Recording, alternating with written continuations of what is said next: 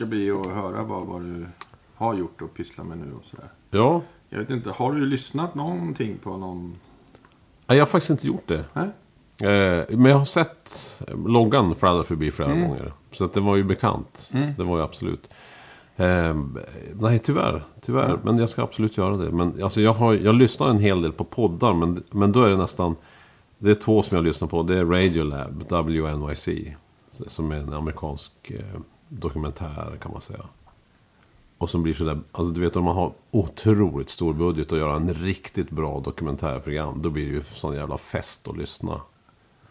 Du vet, de följer upp någon och säger, ja, sen följde vi med honom till Tanzania och för att se hur det skulle gå. Och så ja, åker de dit och liksom, ja men det finns, ja den är, den är helt sanslöst bra.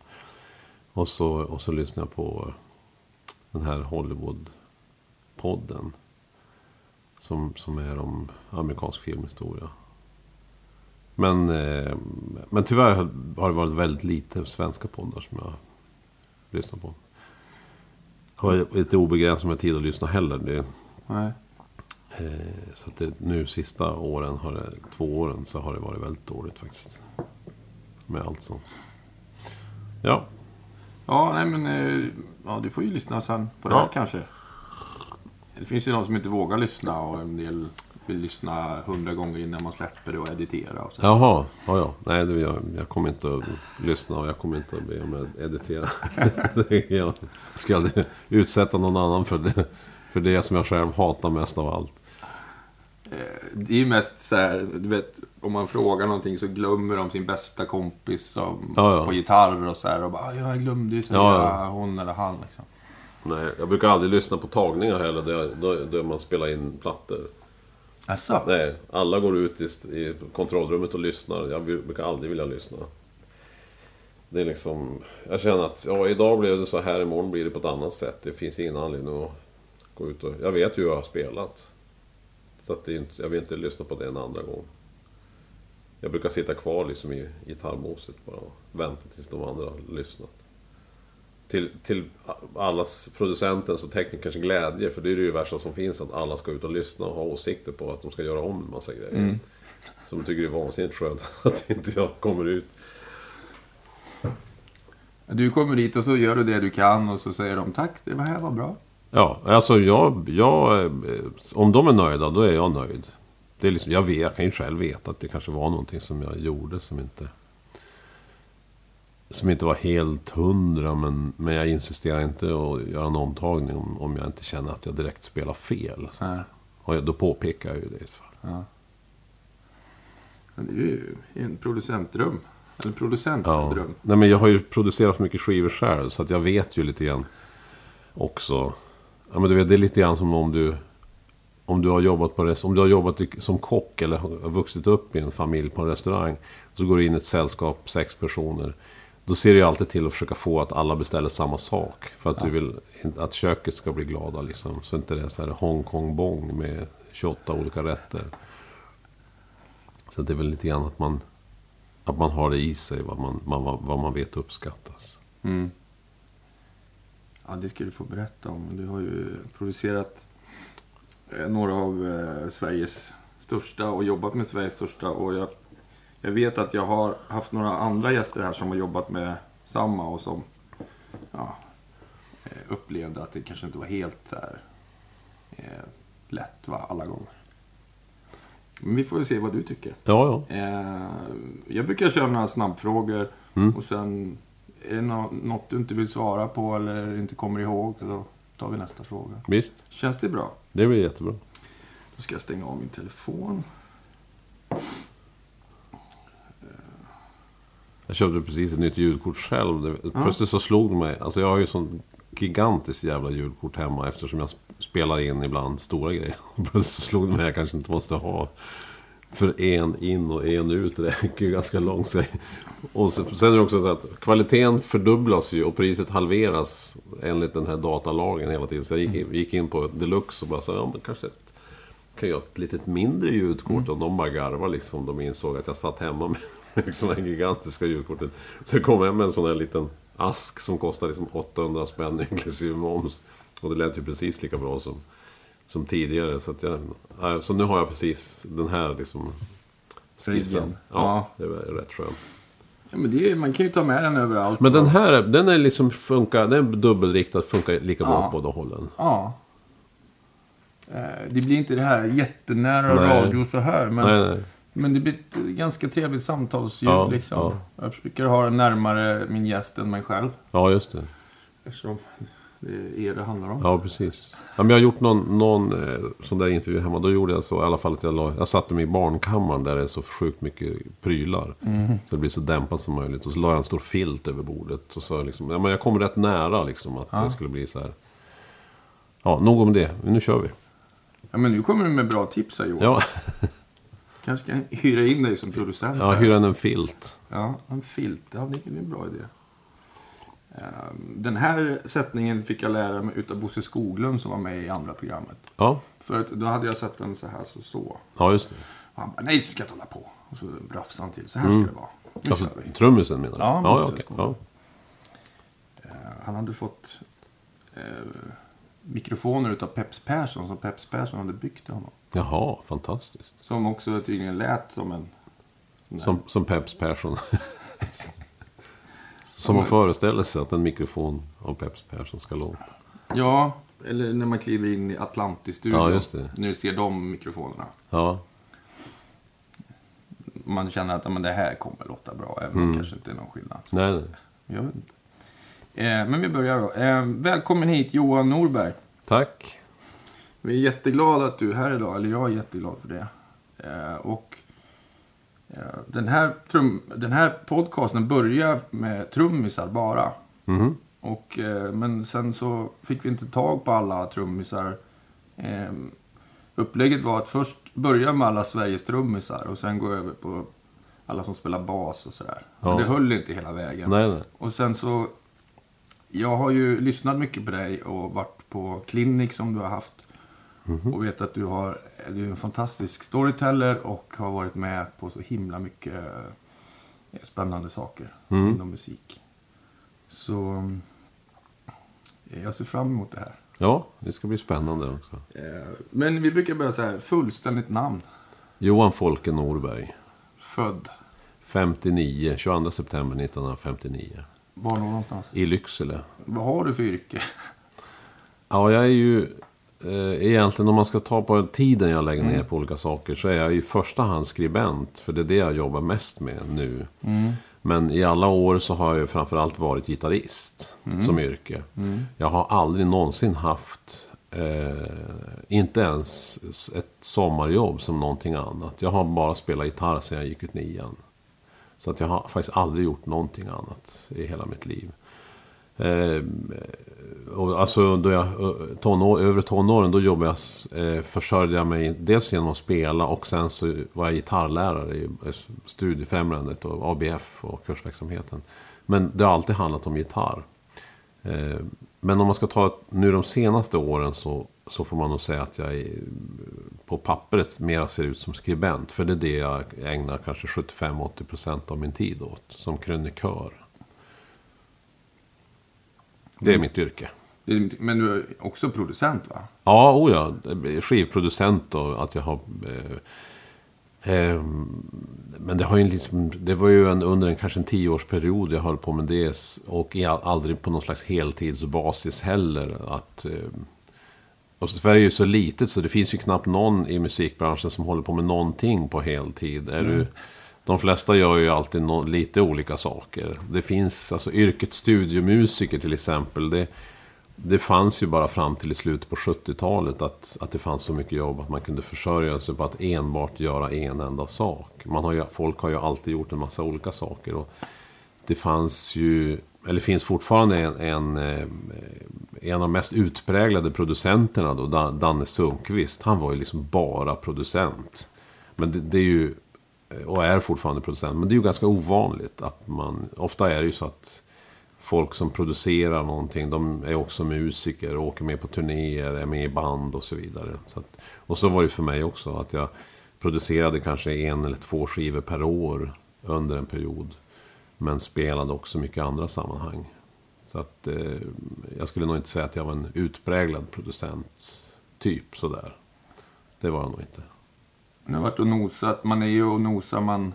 Om man är i musikbranschen, speciellt nu på senare år, då måste man kanske vara många olika saker för att det finns inte så många turnéer eller det finns inga studiojobb eller då får Mm. man så här, hitta på andra roliga... Man kanske har en egen studio eller man Ja, ja, oh, ja. gör skivomslagen eller Absolut. bokar gig eller vad man nu gör. Ja, producentrollen har ju förändrats också med åren i, i och med att datortekniken eh, gjorde sitt intåg på 90-talet.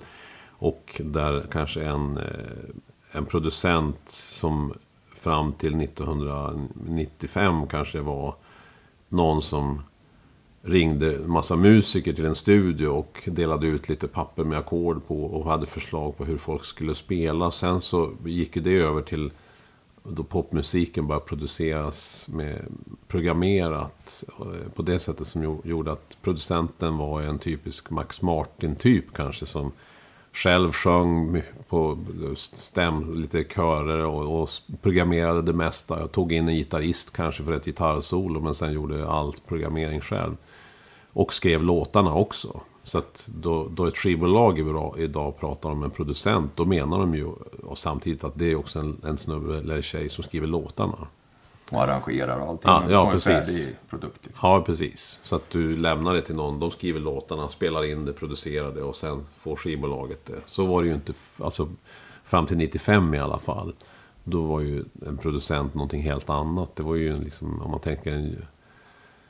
Alltså George Martin med Beatles, en äldre herre med vit rock och kulspetspenna liksom som, som hade en sån här tekniker-producentroll. Liksom. Det var ju Mm. helt annorlunda. Ja, det låter ju... ehm, vad är ditt första musikminne då, om vi ska gå tillbaka? Eh, du menar liksom som riktigt liten? Ja. Eh, ja, mitt, mitt första... Jag har några väldigt tydliga musikminnen. Dels var det då jag eh, eh, började... Eller jag hörde en del av Jesus Christ Superstar på radion. Alltså den här musikalen av Andrew Lloyd Webber. Och det finns ett, ett körparti där som... som som går Hej sana ho sana sana sana ho sana hej sana da da da da da da da da da da di, da da da da Väldigt... eh, Ja, för mig var det ett eh, omtumlande upplevelse att höra att det kunde finnas så mycket olika klanger. Det var, ett, det var, det var ett starkt minne. Och sen var vi uppe i fjällen i Hemavan. Fjällen 1969. Och min morbror Walter eh, som bodde i Stockholm, han spelade bluesgitarr. Och han lärde mig tre ackord. Och det var också en sån där... Eh, eh, naturligtvis omtumlande upplevelse eftersom det var det som fick mig att börja spela. Eh, att jag själv förstod vad man kunde göra med, med tre ackord. Och sen från den stunden så var, jag, så var jag gitarrist. Det var ett klassiskt kall på det sättet som, som är få förunnat att få uppleva. Som, som jag förstått sen i vuxen ålder att det är ju inte alla som, som närmar sig musiken på det sättet. Det finns ju till och med de som väljer att de ska bli musiker. Och, och söker skolor och de gör ett val. Ja, men jag bestämde mig för att nu ska jag satsa på musiken. Så var det ju aldrig för mig. Utan för mig var det att jag, jag blev drabbad. Det var ju alltså en slags frälsningsupplevelse. Att, att eh, göra ett val fanns ju inte på kartan. Utan jag var ju gitarrist då. Det var ingenting jag kunde liksom göra någonting åt. Så, och det är ju det är en stor fördel. Då man ska fortsätta sen. För då, man, då övar man ju på ett, på ett sånt sätt som... Det finns ju aldrig någonsin en tvekan över. Ska jag verkligen satsa på det här? Eller är jag tillräckligt begåvad? Eller utan man kör på bara. Mm. Det, det blir som heroin eller vad som helst. Det finns liksom ingen, inga alternativ. Så, att, och så, så sen dess har jag spelat gitarr. Och, och det har varit liksom det enda som jag har tänkt på. Men när du kunde de här tre ackorden, bara spelar du till skivor då som du hade eller? Nej, jag spelar själv. Spelar egna låtar som jag hittar på. Framförallt så spelar jag ju blues då. Ju, man kan ju, kommer inte så långt med tre ackord. Eh, och eh, sen fortsatte det med att jag... Eh, jag började snart spela med band hemma i Lycksele. Eh, jag fick en elgitarr då jag började sjuan. Alltså det var 13 år. Och och vi spelade liksom enklare rock, rocklåtar. Och eh, så småningom, så vi, det fanns ingen musik hemma. Utan jag, det, det här var ju mitt, helt mitt eget projekt. Eh, men sen hörde jag några, dels den här musiken till filmen Dunderklumpen som Per Olin har tecknat och Beppe Wolgers gjort. Som Toots Thielemans har skrivit en låt. Eh. Ja, du har ingen gitarr här. Nej, jo där finns det en. Ja, Jag, ska, jag kan hämta den och visa. ja gör det. Det blir enklare. Jag vet inte om den har varit stämd sedan 70-talet heller. Men... Stämma den nu då. Och då var det ju... Det var ett ställe i den låten, nu ska vi höra.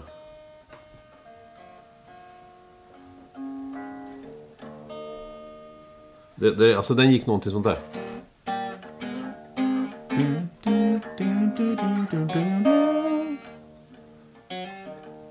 Och så igen, och sen var det ju sticket då. Nej, så.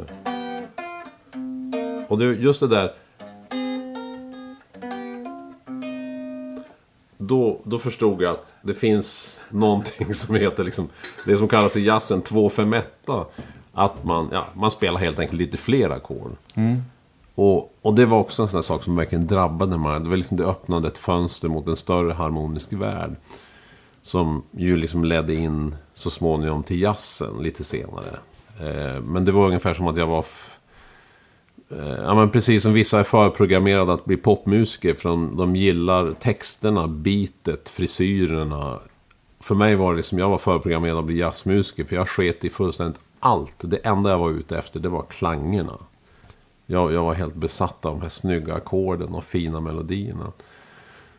Eh, så, så det, den låten gjorde att jag... Jag kände att det finns någonting där som jag måste hitta. Och så började jag liksom leta. Och då är det, det blir så när man söker att man känner att det finns någonting som jag vet är för mig. Och så fort man hör någon spela det så känner man ah, där är det. Jag, jag visste att det fanns, där var det. Så att eh, från den stunden så, så leddes det liksom mot ja- jazzhållet kan jag säga. Och då hittade du in själv i liksom jazzen och började söka efter plattor, eller hur gjorde du? Ja, alltså då träffade jag en kille. eh, Om vi då hoppar lite grann för att det här, det är ju, annars så, så kan vi sitta här hur länge som helst. Men eh, jag flyttade till, från, från, um, från Lycksele flyttade jag till Umeå 1975. Där träffade jag, det var då jag hade gått ut nian. Så då började jag jobba som gitarrlärare och så träffade jag en kille där som heter Rickard Sandström. Som, som var, redan var väl, han var några år äldre än mig och han var jäkligt bra på jazz. Han hade hört en, en, eh, en, en gitarrist som heter Joe Pass. Som, och plockat ut hans arrangemang av Stevie Wonders You are the sunshine of my life. Och när jag fick höra det och se det på nära håll då Rickard spelade det. Då, det var verkligen som att det här är för mig. Det här är min, det här är mitt liksom. Det här ska jag lära mig. Så då köpte jag samma skiva och gick hem och började ta ut låtar från den skivan. Eh, och, eh, och då, då var jag kanske 16-17. Och- det var då som liksom det började på allvar. Det var då jag började liksom verkligen öva riktigt, riktigt mycket. För då hade jag ju också gott om tid. Jag, jag kände, ingen, kände knappt några i Umeå. Och jobbade lite för att få ihop tillräckligt med pengar bara för att klara mig. För att kunna sitta och öva. Så, att, eh, så då hamnade jag i en sån här manisk övningsperiod. Eh, och övade bara, bara jazz.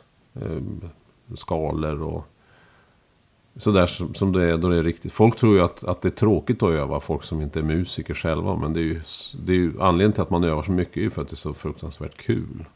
Man kan sitta och, och spela och så känner man att det funkar och det går fortare och det sitter bättre. Och man kan inte vänta tills nästa dag när man får fortsätta att öva. Så då, då lärde jag mig en, en av de låtarna eh, som... Alltså, jag plankade från, från Joe Pass så fanns det en låt som heter eh, Misty som går så här.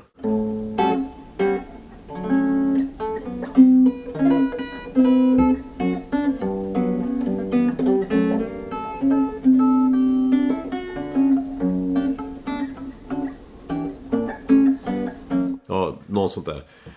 Och, eh, och så, så lärde jag mig den exakt som Joe Pass hade spelat den vilket var ett, alltså, ett otroligt eh, svårt och avancerat arrangemang. Men jag lärde mig ton för ton exakt som man spelar. Så sökte jag till en skola i Stockholm som heter Birkagårdens folkhögskola, musiklinjen, 1978.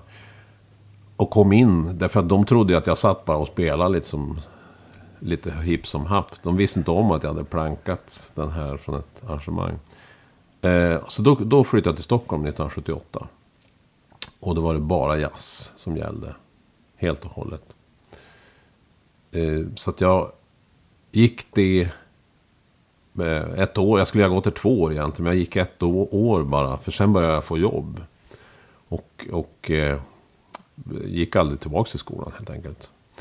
Utan jag bara jag fick börja få studiejobb och turnéer och allt möjligt. Så att, eh, och hade då hamnat på eh, i Metronomstudion, den här legendariska studion med Anders Burman som producent. Och, och det var liksom inspelningar med, eh, med Cornelis Vreeswijk, Fred Åkerström och Lill Lindfors. Och, eh, alltså artister som var ju jättestora på den tiden. Mm.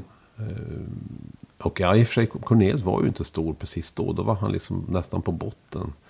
Han, blivit, han var stor innan och efter. Ja. men, men eh, alltså jag hade ju liksom en, ett, en jäkla flyt från början. Och då, alla som lyssnar, de undrar ju liksom att fan, det finns, det finns ett hopp här från att jag flyttar ner till Stockholm och plötsligt får studiejobb. Och det brukar alltid reta mig då jag läser intervjuer eller, eller hör intervjuer. Att man får inte veta exakt om man kommer från Lycksele, hur fan kan man plötsligt sitta, bara ett halvår senare sitta på Metronomstudion? hur går det till? Om man inte känner en enda människa i Stockholm. Hur kan Ja. man plötsligt få jobb? Och då var det så att det fanns en pianist och en tv-producent som hette Bernt Egerblad som var från Umeå. Och jag spelade på jazzfestivalen i Umeå eh, så, hösten 79. Och då hade jag ju redan bott i, i Stockholm ett år. Och han kom fram efteråt och sa att han tyckte att jag spelade väldigt bra. Och då högg jag direkt och sa, jag har flyttat till Stockholm. Här har du mitt telefonnummer. Ring mig om du behöver någonting. Eh, och då gjorde han det. Han ringde mig bara någon månad senare och eh, tipsade mig om en turné med Gösta Linderholm som var en slags trubadurfigur som var jättestor då. Hade en låt som Rulla in en boll och låt den rulla. Eh, och, och, det var ju, du vet, den plattan sålde 200 000. Det var ju jättestort. Så att jag fick åka med på den turnén och sen fick jag spela in en platta med Lill Lindfors. Och så jobbade jag med henne på Gröna Lund. Och sen kom jag med i något band och jag fick spela med radiojazzgruppen. Och, ja, men som det är, har du väl en gång fått in någon slags kontakt och gör, gör det bra, då, då får man ju fler erbjudanden. Och en platta med Fred Åkerström, eh, den här skivan med Cornelis, med Monica Zetterlund gjorde jag en platta då. Alltså då, i 81 tror jag det var, vi gjorde en, och hennes Olle Adolphson-skiva. Eh, eh, och det är ju mitt, ett av mitt livs mest bisarra ögonblick, det var ju då jag... För vi spelade in den här plattan med Monica Zetterlund och så, och så var vi tvungna att bryta för att det var något tjafs med ackorden på någon låt. Hon blev ovän med sin pianist och sa att vi måste skjuta upp det här. Sen två veckor senare så ringde hennes pianist Lasse Bagge och bad och sa att ja, men vi ska fortsätta spela in på söndag. Och den söndagen var jag upptagen för då skulle jag spela in en skiva med just Bernt Egerblad och basisten Palle Danielsson. Så jag kunde inte. Och, och det vad som hände var att jag, jag var tvungen att tacka nej. Och Rune Gustafsson fick hoppa in istället för mig. Och Rune Gustafsson, det är liksom Sveriges, en av världens största gitarrister.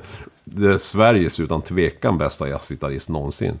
Och min största idol, han, är ju, han var ju helt fantastisk. Så att det, det är så att man skäms bara tanken på att, att han hoppade in istället för mig. Men så var det. Eh, Men så de åren så spelade jag mycket i sådana här jazzsammanhang. Men även i studio, lite vis-sammanhang. Eh, Och så småningom, jag, jag bubblar på nu bara. Så får du bara Ja, är- säga till om du tycker att vi missar något. Det är ju fantastiskt. Eh, eh, och sen, sen var det så att jag fick ju rätt mycket jobb. Som, då man spelar mycket jazz, då tror ju alla att man kan noter. Mm. Så jag började få rätt mycket sådana jobb där det var mycket notläsning. Och jag kunde ju inte noter, för jag har, jag har aldrig gått någon musikskola. Som jag, jag hade inte gått eh, Musikhögskolan eller musikgymnasiet eller någonting. Jag slutade ju bara efter nian i Lycksele. Vi hade ingen musik där. Så då... Eh, så jag började känna mig stressad över att jag inte kunde så mycket som folk trodde. Så att jag åkte till Berkeley i Boston. Och eh, pluggade där två terminer, 1982. På eget eh, initiativ och på eget hopsparande. För då hade jag ju spelat så mycket. Så jag hade sparat ihop pengar så jag kunde åka dit två terminer. Och det var ju fantastiskt att få befinna mig i en situation där man eh, pluggade helt enkelt och övade mycket. Och så kom jag hem därifrån och då hade jag övat så jävla mycket bebop så att ja, jag blev nästan less helt enkelt. Därför att jag hade också tagit lektioner av, av det, han som var själva mentorn till Pat Metheny och John Schofield och Mike Stern och, och han, Mick Goodrick hette han. Och han visade mig så mycket eh, tricks. Drop 2, drop 2 plus 4. Alltså olika skalor. Du vet. Och så plötsligt kände jag att det öppnas en dörr mot att kunna lära sig att bli i princip hur bra som helst. Det blev jag ju inte. Men jag kände att jag fick plötsligt koden till hur det var de spelade. Och då var det, lite, det var som ett trolleritrick som blev avslöjat. Och, och som det ju är med trolleritrick som avslöjas så tappar ju något av sin tjusning. Då man förstår hur det går till. Aha. Så jag kunde liksom se att, jaha, om jag övar som en jävla galning nu i sju, åtta år. Då skulle jag liksom kunna bli sådär bra. Som, eh, och då förlorade det lite så här tjusning. Och, så att när jag kom hem då, då blev jag sugen på att spela pop eller rock. Och liksom börja utveckla den delen istället. Eh, och eh, då kom jag hem och det första jobbet jag får då jag har alla de här liksom, synkoperna, 64 synkoperna liksom i fickan. Det första jobb jag får är en tre månaders turné med Lill-Babs i Finland. och det är ju inte direkt, inte direkt kanske det man räknar med. Eller det man förväntar sig. Men jag var skitglad för jag tyckte det var ett toppenjobb. Och för det var jättebra musiker i bandet. Och, och Lill-Babs är ju en vansinnigt hygglig och trevlig person. Så det kändes inget. Och framförallt så var det ju jättebra betalt också. Men i alla fall, så vi, vi spelade i Finland i tre månader. Och det var ju då den, den hände den här episoden med... Vi står och spelar på Fiskartorpets showrestaurang som är alltså Helsingfors motsvarighet, motsvarighet till Hamburg Börs. Det är också ett stort hotell och så står vi och spelar en kväll och vi har, medan hon är ute och byter kläder mitt i showen, spelar vi ett instrumentalnummer som är otroligt komplicerat. Och våran trummis, han kom av sig så att han, han hamnar liksom i baktakt i mitten av låten. Och jag spelar ett fruktansvärt dåligt gitarrsolo och det blir, ja det är så jävla pinsamt så jag, jag, står, jag kommer ihåg att jag står och tänker, fan vilken tur att ingen jag känner är här och ser den här skiten. För det var så jävla dåligt. Och så kommer hon inrusande, för hon har bytt kläder, kommer in och börjar sjunga på en ny låt. Och så tittar jag upp och då ser jag att det står tre män. Alla sitter ju, men det står tre killar liksom med armarna i kors vid sidan av scenen. Och det är Al Di Miola, John McLaughlin och Paco de Lucia. och det är, så, det är så surrealistiskt för att hade det varit en av dem, då hade man tänkt fan vad den där killen är lik Al Di Miola. Men nu var det alla tre, så det var ingen tvekan. Fan, det är de som står där. Eh, så vad som har hänt är helt enkelt att de har gjort en konsert i Konserthuset den kvällen. Och sen ska de checka in på hotellet. Och jag är ju själv turnerande musiker så jag vet ju precis hur det är. Man står och ska checka in i receptionen och så hör de. Fan det är någon som spelar en Lee Rittenauer-låt där ute i showrestaurangen. Vi går och kollar. Det är ju så det har gått. Så ja. de går och kollar och så får de se oss där. Och sen går de och checkar in. Så sen Sen gick jag ut efter gigget och tänkte, fan såg jag verkligen? Var det verkligen sant? Så jag går ut i baren för att kolla. Och mycket riktigt, där står Aldi Miola. Med de där pilotbågarna som man har på skivomslaget till den här plattan som jag har hemma med honom. Han, spel, han spelade ju med Chick Coreas Return to Forever då. Och så går jag fram till honom och så säger jag, Excuse me, are you Aldi Miola? Och så svarar han, Yeah. Och så långt hade ju inte jag tänkt. Vad fan ska jag säga sen? Så jag, var, jag gjorde bara tummen upp och så sa han... Sa jag That's really good. Så, och så vände jag på klacken och gick därifrån. Eh, ja, det blev inget längre samtal? Nej, nej. Jag, jag hade ju inte planerat vad jag skulle säga. Han tittade ju så surt på mig. Så att, ja, jag tror inte han fattade att det var jag som hade stått och spelat det hemska gitarrsolot. Men, eh, ja, men sen så... så eh, fortsatte det med att jag började öva. Nu börjar jag liksom komma in i en period där jag började spara långt hår. Och Du vet, man började se Prince kom och man köpte roliga kläder och långt hår och spel, köpte eh, en, en Fender Stratocaster istället för en sån här ES335 som jag hade tidigare. Och började spela liksom mera i rocksammanhang. Och då... Eh, så att, då, då gjorde jag, hamnade jag liksom i en rocksväng kan man säga. Eh, och parallellt med det så, så hade jag också träffat trombonisten Nisse Lange. Vi träffades redan 1980. Vi åkte till Hamburg för att spela med Lill Lindfors. Eh, så sen dess hade vi hållit kontakt och spelat mycket i olika sammanhang. Framförallt i hans sammanhang. Han satte ihop sitt första band och, och vi åkte på turné sommaren 84 med honom. Eh, så då gjorde vi det, och så gjorde jag mycket. Jag satt i så här teater, orkestrar, krogshower med Janne Malmsjö på Hamburg Börs. Och, ja, allt sånt där som man gör som frilansande musiker. Och så turnerade vi, spelade in den här skivan med Micke Rickfors. Jag ska köpa vingar för pengarna. Ja, det är du som lirar där ja. Ja, precis. Jag och Micke Nord Andersson. Vi är två gitarrister som spelar på den. Eh, och... Eh, så det hände ju mycket då liksom med, med allt möjligt. Och jag kom med i det här coverbandet The Husband. Som var ju, de var ju otroligt stora då. Med Niklas Strömstedt, Lasse Lindbom och Micke Syd Andersson. Och vi spelade två somrar i Halmstad. Och så blev det turnéer med olika Lisa Nilsson, Anneli Rudé, Pugh Rogefeldt, Anders Glenmark, Niklas Strömstedt. Mycket där i slutet på 80, början på 90-talet. Ehm, och så början på 90-talet gjorde vi det här tv-programmet till TV4 med Steffo Törnqvist. Och jag var en slags enmanshusband också. Det, det var då första gången jag såg dig. Ja, okej. Okay.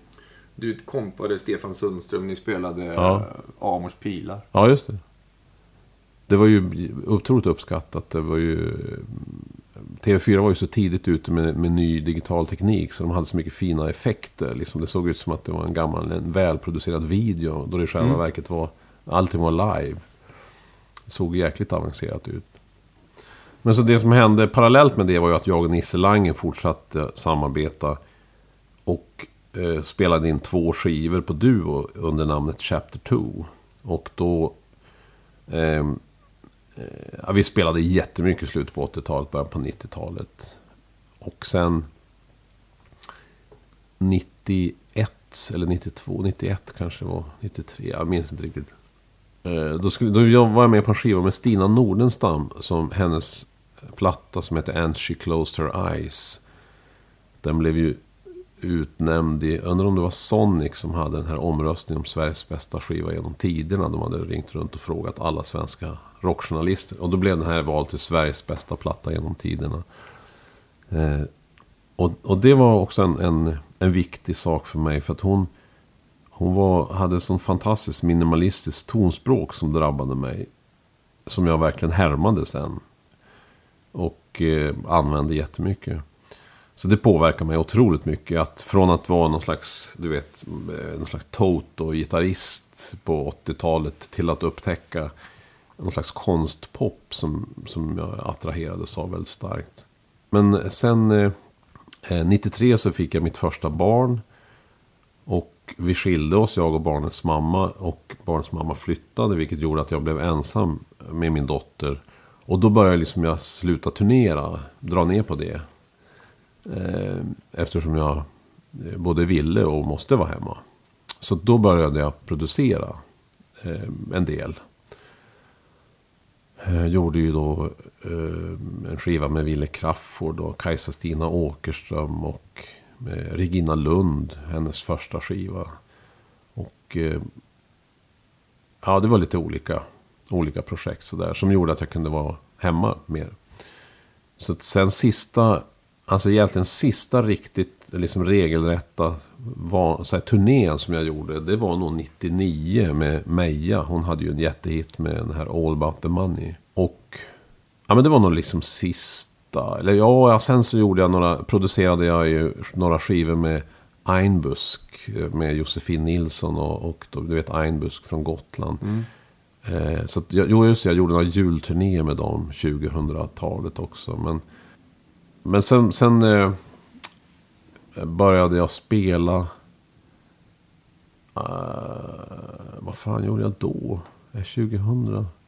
Ja, just det. Sen, sen eh, 2000 då åkte jag till Japan på en promotion-turné med en sångerska som heter Isa som artistnamn.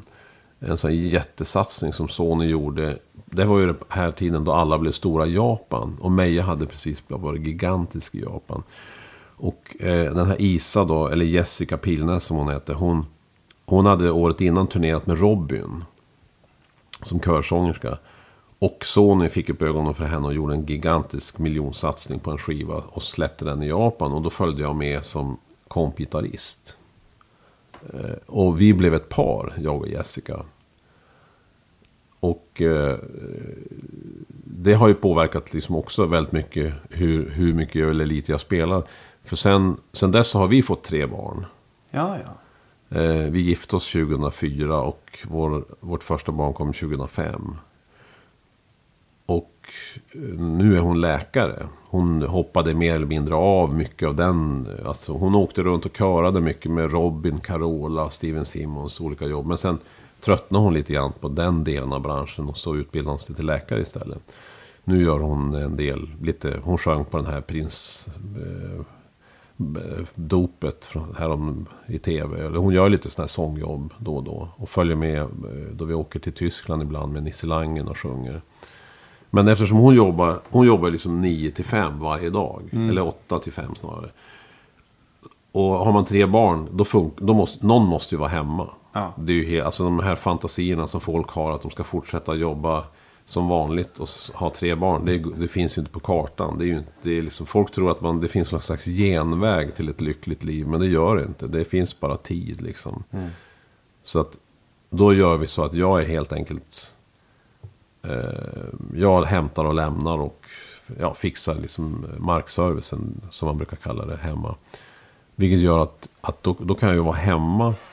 Jag sitter och jobbar, spelar in kröniker till Sveriges Radio. Skriver kröniker till eh, tidningen Vi. Eh, och gör olika, ja, men olika sådana projekt som, som går att göra hemifrån. Och sen gör jag då och då något gig med Nisse Langren då. Eh, I Sverige eller i Tyskland. Och det precis så lagom mycket så att jag känner att, jag, att det är liksom kul att komma iväg. För det är, jag menar, varannan månad så är det något roligt gig och så får man flyga till Leipzig eller vad det nu är. Och så bo på fint hotell och ja. Äta frukost. Ja, exakt. Äta frukost i lugn och ro. Ensam, utan att bli avbruten. Eh, så att, så att det, det, har liksom, det har egentligen bara blivit så här. Det, är, det, det, är liksom en, det ser nästan ut som en plan. Men, men det var ingen riktig plan. Utan vi har bara försökt följa efter hur verkligheten ser ut och anpassa oss efter det. Det som var min smala lycka var ju att, att det här med krönikerna dök upp. Och det var ju gitarrtidningen Fass som startades på 90-talet av Ulf Zackrisson i, i Göteborg.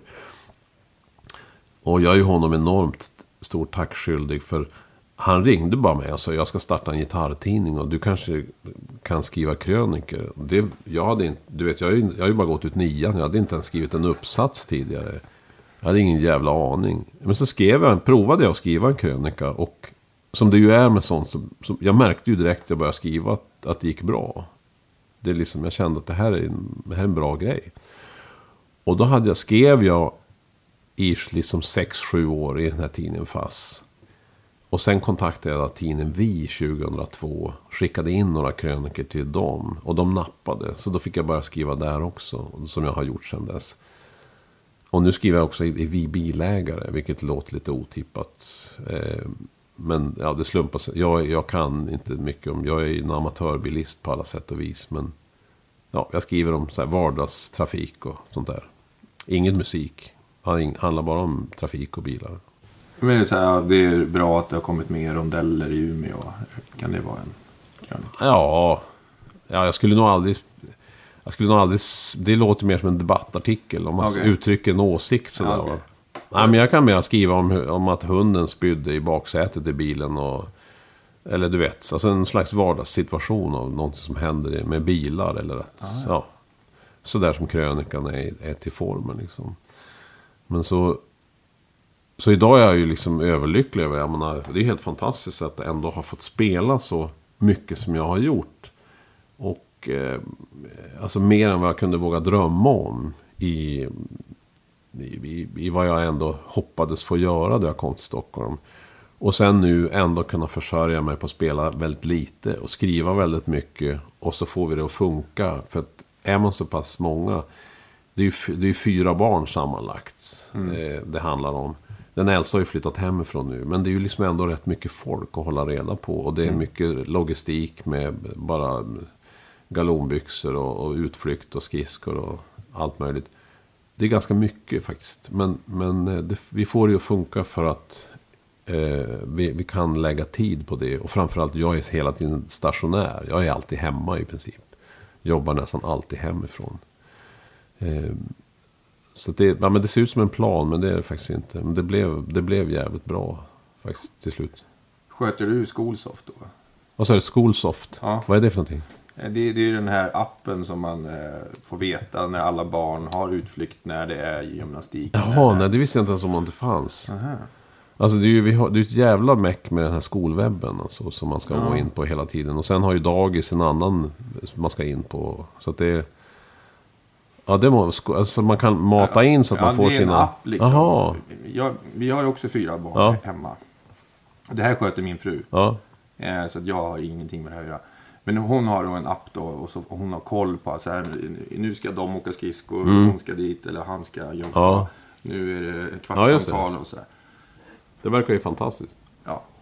Ja. Sen är hon väldigt bra på att hålla ordning, annars hade vi... Ja, nej, men vi kör så här old school. Vi har liksom en, ett, ett papper på dörren där det står liksom tisdag eh, ska han ha gympa och så hon ska på utflykt och han, ja. Men vi har inte så mycket aktiviteter. Det, så att det är liksom, vilket ju räddar oss lite grann. Utan det är, barnen kommer i princip bara hem och sen är det bra med det. Det är inga som ska skjutsas till, det är inga som håller på med några idrotter eller någonting. Utan det, det är en av, av grabbarna spelar flöjt på onsdagar idag då. Så att, eh, men inget, inget annat. Men jag menar, då vet du ju hur mycket det kan vara att ändå hålla reda på. Att, Ja, och, och, att, och jag är inte ens ansvarig, utan Nej, jag är bara med och försöker... Ja, ja. Nej men just det, du kan ju fatta att om, om båda, om jag skulle varit ute och turnerat och hon skulle jobba heltid, det går ju inte. Nej. Det är ju en fantasi. Jag tänkte faktiskt på det idag. Just den här med att folk tror att det finns genvägar. På något sätt. Att de vill ha en djup och fin relation med sina barn. Men det är som att de fattar inte. Ja, men det är bara tid. Du kan inte, det finns ingen genväg till det. Att ni ska ha kvalitetstid. Nej, det finns inte. Det är bara sjukt mycket tid som krävs. Man vill ha bra... Man vill må bra. Ja, det, det kräver tid. Det, det, går inte, det finns ingen genväg till en bra hälsa eller en bra fysik eller bra... Det är bara... Men idag är hela samhället upp, ins, inställt på att det ska finnas genvägar till allting. Man ska ha liksom strukturera upp det liksom i sin laptop så att det liksom bara plingar till och så vet man, ah, men nu är det det och det och det och det och det. Men det är liksom, just den effektiviseringen är liksom som att man vill att det ska bara lösa sig utan att man ska behöva offra så mycket av sin tid liksom. Men det går ju inte. Men det, det, I många musiker så är det, och de som har varit med i tidigare program, de har ju levt i livet som, som du har gjort, men de har också haft perioder off när de har varit hemma väldigt mycket och kunnat Ja. vara med sina barn. Ja, just. För att de ska inte gå till jobbet klockan sju. Nej, men de är ju hemma på dagen. Då är ju barnen i skolan. Ja, men de är alltid lämnar och så kanske de gör, ja, men lite som du. När de är hemma så är de Mm. Ja, hemma precis. hela tiden. Alltså de Ja, gör precis. ingenting annat än, Nej. än kanske sitter i någon studio. Ja, men det är ju, ibland så är det väldigt gynnsamt att man kan... Men problemet är ju det att det blir hela tiden de här grejerna att då missar man ju alltid en massa Lucia-uppvisningar, en massa klass... Du vet, det är ju, för då är man borta plötsligt. Ehm, ja, men jag tycker det är skönt. och Jag blir stressad om jag är... Då det händer att jag, att jag plötsligt är borta och jag vet att nu är det ju faktiskt föräldramöte. Det är, jag är mig sjukt stressad. Jag, jag gillar inte det. Jag vill vara, jag vill vara där liksom. Och se till att jag har koll på läget. Och det är också en ganska bra uppdelning med fatalt nu med, med hur man diskuterar jämlikhet. Att man tycker att alla ska dela på allting. Och det är ju värdelöst. Det är, det är så otroligt mycket bättre att man bestämmer att du gör det, så gör jag det. För de har koll på. Du vet, om, om eh, min fru plötsligt ska lämna på dagis. Och så, och så kommer jag, ska jag lämna nästa dag. Så plötsligt så, vad fan är hennes galonvantar? Du vet, det räcker med att min fru har lagt dem 50 centimeter till höger. Så hittar ju inte jag dem. Därför att jag, det måste gå så snabbt. Allting måste ligga exakt på det stället där man har lagt det. För annars så hittar man ju inte. Alla barnen ska iväg och så plötsligt så är det något som är blött som någon har hängt på elementet. Då vill jag ju att det är jag som har hängt det på elementet. Så att jag, så att jag hittar allting så snabbt som det bara går. Ja, ja, men det var ett stickspår. Familjelogistiken. Ja, ja. Det är nästan en ny podcast. Det är, det är verkligen en Jag tror du podd. skulle få miljoner lyssnare. Ja,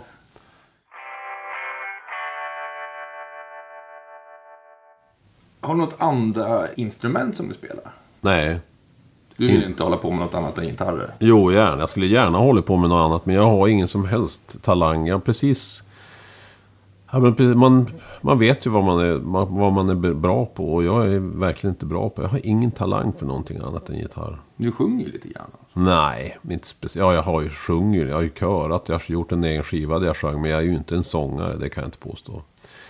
Ehm, ja, men det är som att man inte har bollsinne. Jag har, inte, alltså jag, jag har tangentafasi, jag fattar ingenting. Jag, jag tar, tar ut ett C-moll-7 på pianot och så vänder jag mig om för att slå på datorn för att spela in. Och så vänder jag mig tillbaka. Så jag har glömt bort hur fingrarna var.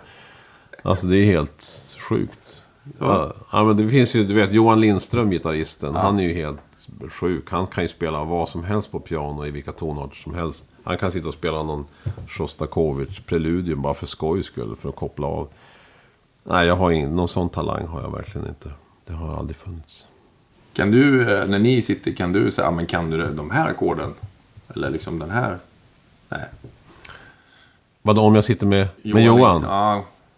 Har du några tricks som, som du kan visa honom? Så här magiska tricks som du lärde dig på Berkeley? Nej, det jag lärde mig på Berkeley, det, det är borta liksom sen länge. Jag spelar ju inte jazz på det sättet längre. Och det jag lärde mig på Berkeley, det, det, det kan ju han också, sådana grejer. Men, men, eh, men alltså det, det, jag har ju liksom det här trixet med att jag stämmer om gitarren i en massa öppna stämningar. Så det är väl liksom lite, mitt lilla S i så fall. Om det skulle händelsevis finnas någonting som jag skulle kunna visa honom. Han är ju så fruktansvärt bra. Ja men att det är någonting jag skulle kunna visa honom så är det ju då. Ja men någonting med mina öppna stämningar. Att jag spelar liksom, ja. Min C-stämning kanske. Han spelar ju också med en massa öppna stämningar. Men Nej, men det, han är ju han är ju liksom Sveriges bästa gitarrist någonsin i princip. Så att det, med honom är det svårt att försöka komma och visa någonting som han inte redan kan. Det, det går nästan inte. Ja, roligt. Han är ibland, men det är, det är, det är fantastiskt också att ha honom som god vän. För han är ju en otroligt fin och varm person också. Vi ses, vi ses på Gotland varje sommar. Där vi, åk, vi åker till Gotland med familjerna. Till i princip samma ställe på södra Gotland. Så då brukar vi ses rätt mycket. Och, och jag är så här sommargitarrist. att På somrarna brukar jag, jag spelar aldrig hemma på vintern. Gitarr eh, överhuvudtaget.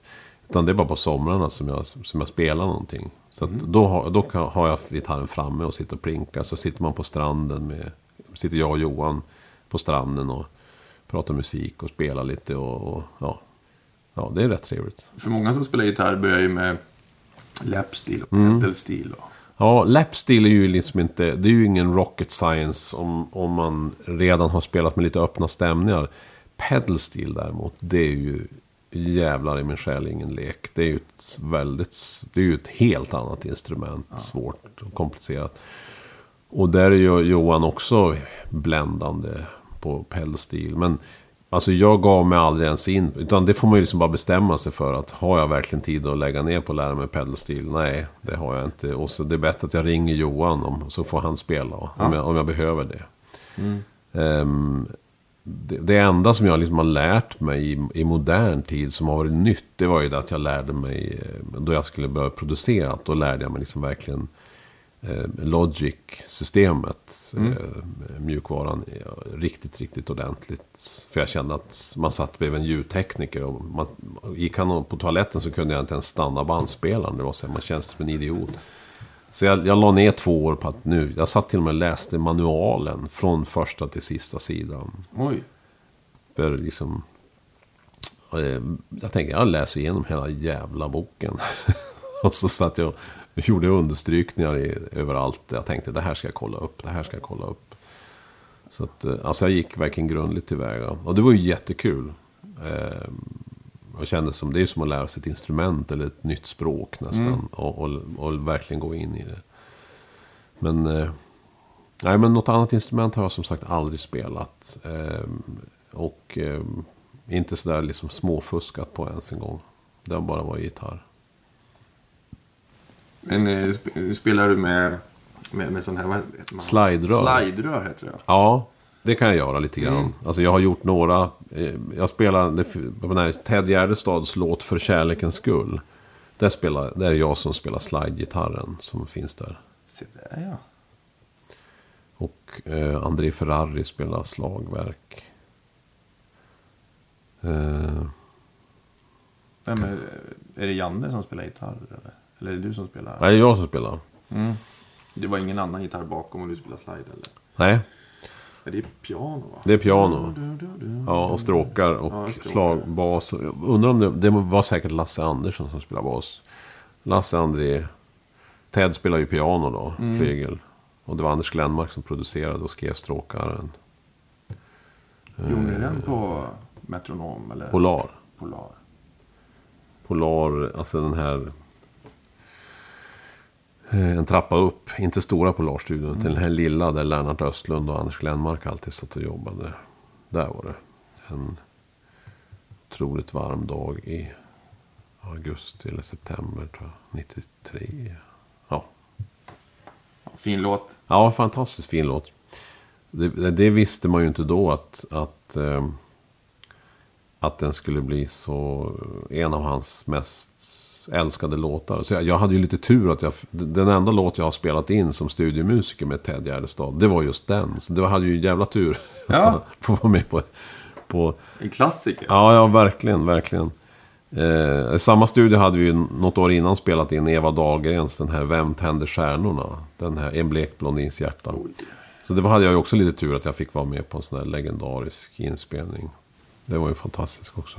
Jag hörde någon story om att du, de här måsljuden är du. Ja, just det. Precis. Kan du berätta kring den? Eh, Ja, det var ju lite... Det var, jag, hade, jag hade börjat få... Jag har en handsjukdom som heter eh, fokal dystoni. En slags kramper i händerna. Och det hade jag börjat få det redan 89. För hade jag bara fått problem med lillfingret. Och sen fick jag problem med ringfingret också på vänster hand. Så då gjorde jag eh, en ganska dramatisk operation. De skar upp hela sidorna av fingret och drog om senorna för att, för att de inte skulle fastna. Det, alltså det blev inte bättre men... Så fingrarna blev krokiga istället. Det var ingen större succé. Men i alla fall. Då ringde, precis när jag hade opererat mig så ringde Anders Glenmark och berättade att de skulle spela in en skiva med Eva Dahlgren på Polar. Och det skulle vara Åke Sundqvist på trummor, Stefan Nilsson på, på piano och Lasse Andersson på bas. Och det var ju, för mig var det, liksom, det är svårt att föreställa sig nu, men jag menar, det var verkligen ett drömjobb då. Hon var precis på toppen, eller och på väg upp. Anders Glenmark var ju min största idol som producent och musiker. Och Åke Sundqvist och Stefan Nilsson. Alltså det här var bara... Det kändes som att större än så här kan det inte bli i den här världen att vara studiomusiker. Och så hade jag precis opererat mig. Och jag insåg att jag ska dra ut spikarna ur fingrarna liksom tre dagar innan inspelningen börjar. Så jag sa det till, till Glenmark och sa liksom, "Ja, men kan vi skjuta? Nej, det går inte att skjuta på, utan det, det då liksom. Kan du inte? Jo, jo, jag kan, sa jag. Så, så jag då kom dit, då hade jag precis varit på Sabbatsberg och de hade dragit ut de här stiften som de hade satt i knogarna på... Eller i, i, i, fing, vad heter det? Finger? Ja, ja. Ja, knogarna på fingrarna. För att de skulle vara stela då. Eh, och så hade de dragit ut stiften. Så jag kunde ju knappt röra fingrarna överhuvudtaget. Så när jag kom dit till inspelningen. Jag sa ingenting. Jag bara gick dit och packade upp grejerna. Och så, och så insåg jag att jag kan ju bara spela. Jag kan, bara, jag kan bara röra pekfingret. Så här. Så, men jag stämde gitarren i liksom ett öppet ackord. Och så la jag den i knät. Och så hade jag ett TC Electronics 2290 eh, chorus delay. Och, och lite effekter och så. Och så sa jag, ja men det kanske är schysst om jag gör lite så här ljud. så här, lite så här, det låter som måsar i bakgrunden. Ja. Visst tyckte de. De tyckte det var skitsnyggt. Så, att, så det, det, och sen spelade vi in eh, fler låtar också. Men, Men just på den låten kommer jag ihåg att det var ganska... eh, Ja, jag satt och svettades för att jag, jag ville ju inte liksom erkänna hur, hur illa det var. Alltså att jag hade så svårt för att spela. Eh, men det är, en- det är väl en av de få gångerna som man liksom har känt på sig att... Inte att det skulle bli en hit, men jag kände att det här var fan i mig en av de finaste låtar jag någonsin har hört. Den låten, Vem tänder stjärnorna?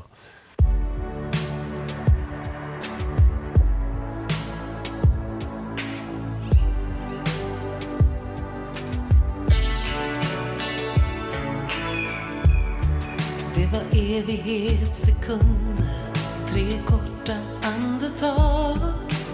Hela livet vände, vem valde inte jag? Jag hörde ord från mina läppar som aldrig vilat i min mun. Tankar aldrig tänkta, som nya veckor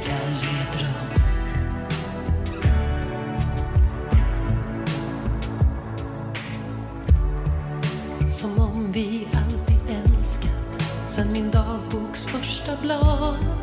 Men att jag får skriva ditt liv Bara tur det var inget val.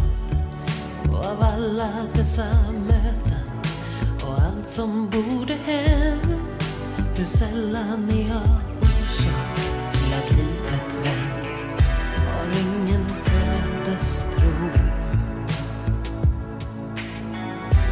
Tanken ger ingen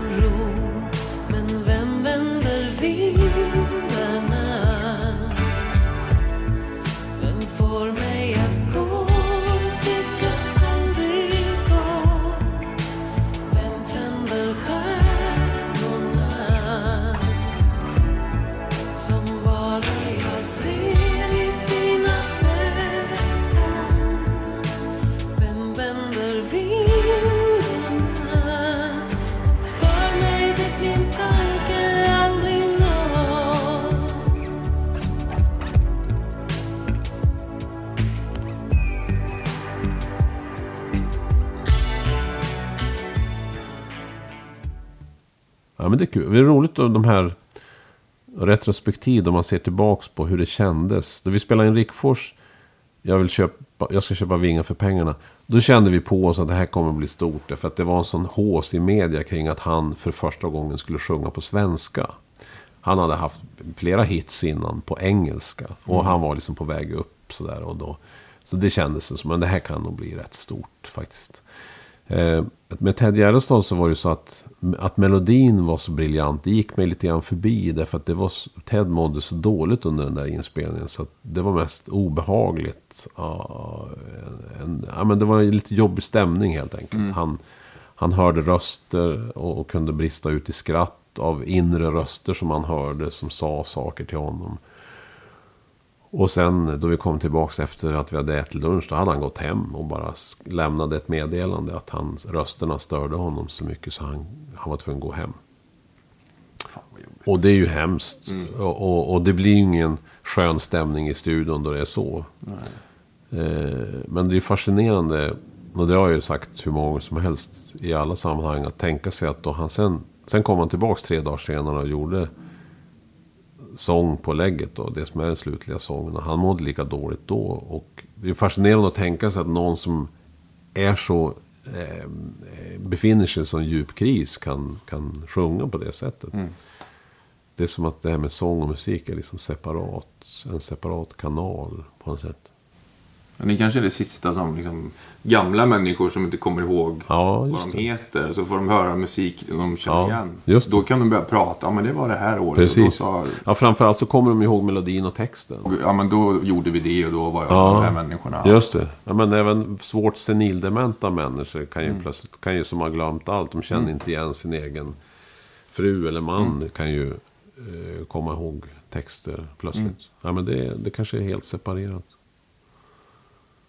Ja, ja men det är, det är alla kuriosa detaljer i en, i en karriär. Att ha varit med på några sådana där legendariska inspelningar naturligtvis. Vingar var ju kanonhit. Alltså. Ja, ja, verkligen. Ja, den var ju enormt stor. Och då... Ja, men då, då gjorde jag liksom ett, ett, ett bra val visade sig sen. För då, då den slog igenom och blev så stor. Då, då, då gjorde, lades det en enormt stor Sverige-turné. Och samtidigt så så ville Nisse Langen att han och jag skulle åka och spela i, i bygdegårdar i Småland på Duo. Mm. Och då, då tackade jag ju naturligtvis nej till att åka på den här stora turnén med Rickfors. För Ja, jag, ja. jag ville ju spela med Nisse. Det var ju min största... Liksom... Eh, ja, det tyckte jag var helt fantastiskt. Och... Eh, och det har jag verkligen aldrig ångrat. För det var ju det som gjorde att vi verkligen satte igång och spela mycket. Och kom nära varandra i vårt samarbete. Och, och sen dess så- alltså som, så har ju han och jag hållit kontakten hela tiden. Vi har ju spelat, gjort konserter varje år sen, sen ja, i princip sen 83. Eh, och, och det är liksom... Ja, men det är kul att ha, ha en person som man aldrig har släppt. För att de flesta människor som spelar med band eller även samarbeten. Förr eller senare så spricker samarbetena liksom med en producent och en artist. Som till exempel Anders Glenmark och Eva Dagen. Det sprack ju i mitten av den här inspelningen. Eh, Blekblondins hjärta. Till exempel. Och, ja, men det är ju ofta så att duos eller vad som helst. Förr eller senare så slutar man jobba. Eh, och jag och Nisse har ju gjort otroligt mycket på varsitt håll. Framförallt han. Han jobbar ju sjukt mycket hela tiden och turnerar med massa band och allt möjligt. Men vi gör hela tiden återkommande, återkommer till varandra hela tiden. Och det, det är jag ju väldigt glad för att jag, att jag bara följde mitt hjärta då. Att jag kände att det här, ja, åh, jag vill så gärna spela med honom. Det, det, det är, en, det är en min, den, den musiken som jag vill, som ligger mig närmast om hjärtat. Så jag återkom ju liksom till det där jag egentligen började med jazzen. Eh, för någon, någon rockare var, var jag ju aldrig på riktigt så där kändes det som i efterhand. Det var ju väldigt festligt att och, och ha det där långa håret och den där svajarmen under några år. Men det var inte riktigt... Men du är med i videon till Vingar i alla fall? Eller Ja, ja. Oh, ja, oh, ja. Oh, ja. Jag står framme och slänger med mitt långa hår där. Ja, det var mycket skinnjackor och mycket långt hår. Ja, verkligen. Ja, Vi hade ju fransjackor. ja just det. Det var det ju var hårt. jäkligt tufft alltså. Ja, kul. Ja, men det är roligt. Det är kul att ha...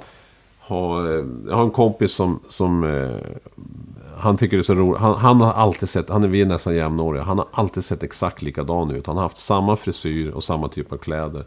Han är så avundsjuk på mig när man tittar på bilder på, på nätet. Man kan hitta bilder på mig från 80, 85, 90, 95. Och jag ser ju helt olika ut. Alltså, först är man så väldigt städad, nästan med virkad slips och, och V-ringad, stickad eh, tröja. Och sen plötsligt fem år senare, då har jag liksom nästan midjelångt hår och fransjacka. Och, eh, du vet, så här enorm frisyr med pudelfrisyr. Eh, Det var ett jävla fix med håret på den tiden. Man höll på och plattade med så här plattång och platta ut det för att det skulle bli lite spetsigt. Och hårspray. Ja, och sen var det page och sen var det lite så här, hade man en lite jazzskägg ett tag och så höll man på. Eh, ja, men så det kan, ju, det kan, ju, kan tycka är lite kul att, att man har gått igenom olika, olika faser. Ja, absolut. Och det hade ju jag och Nisse Lange gemensamt, det här intresset för en flamboyant klädstil. Vi såg ut som två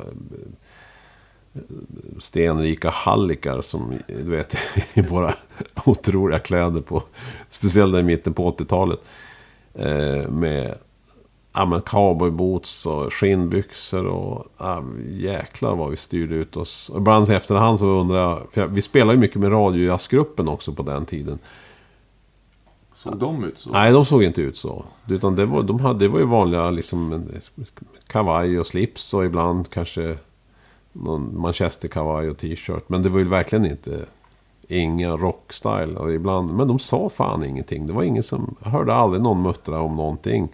Men det måste ju ha sett roligt ut när man kom in på repetitionerna. Och så var de här gamla Egil Johansen på trummor och Bengt Hallberg på piano. Och de här gamla legendariska svenska jazzmusikerna. Så satt jag där med... Jag såg ut som Slash från... Nej men du vet, med den enorma hår. Och så hade jag en tåhätta på cowboybootsen. Så det var ju... Nej, jag var ju utstyrd till tänderna.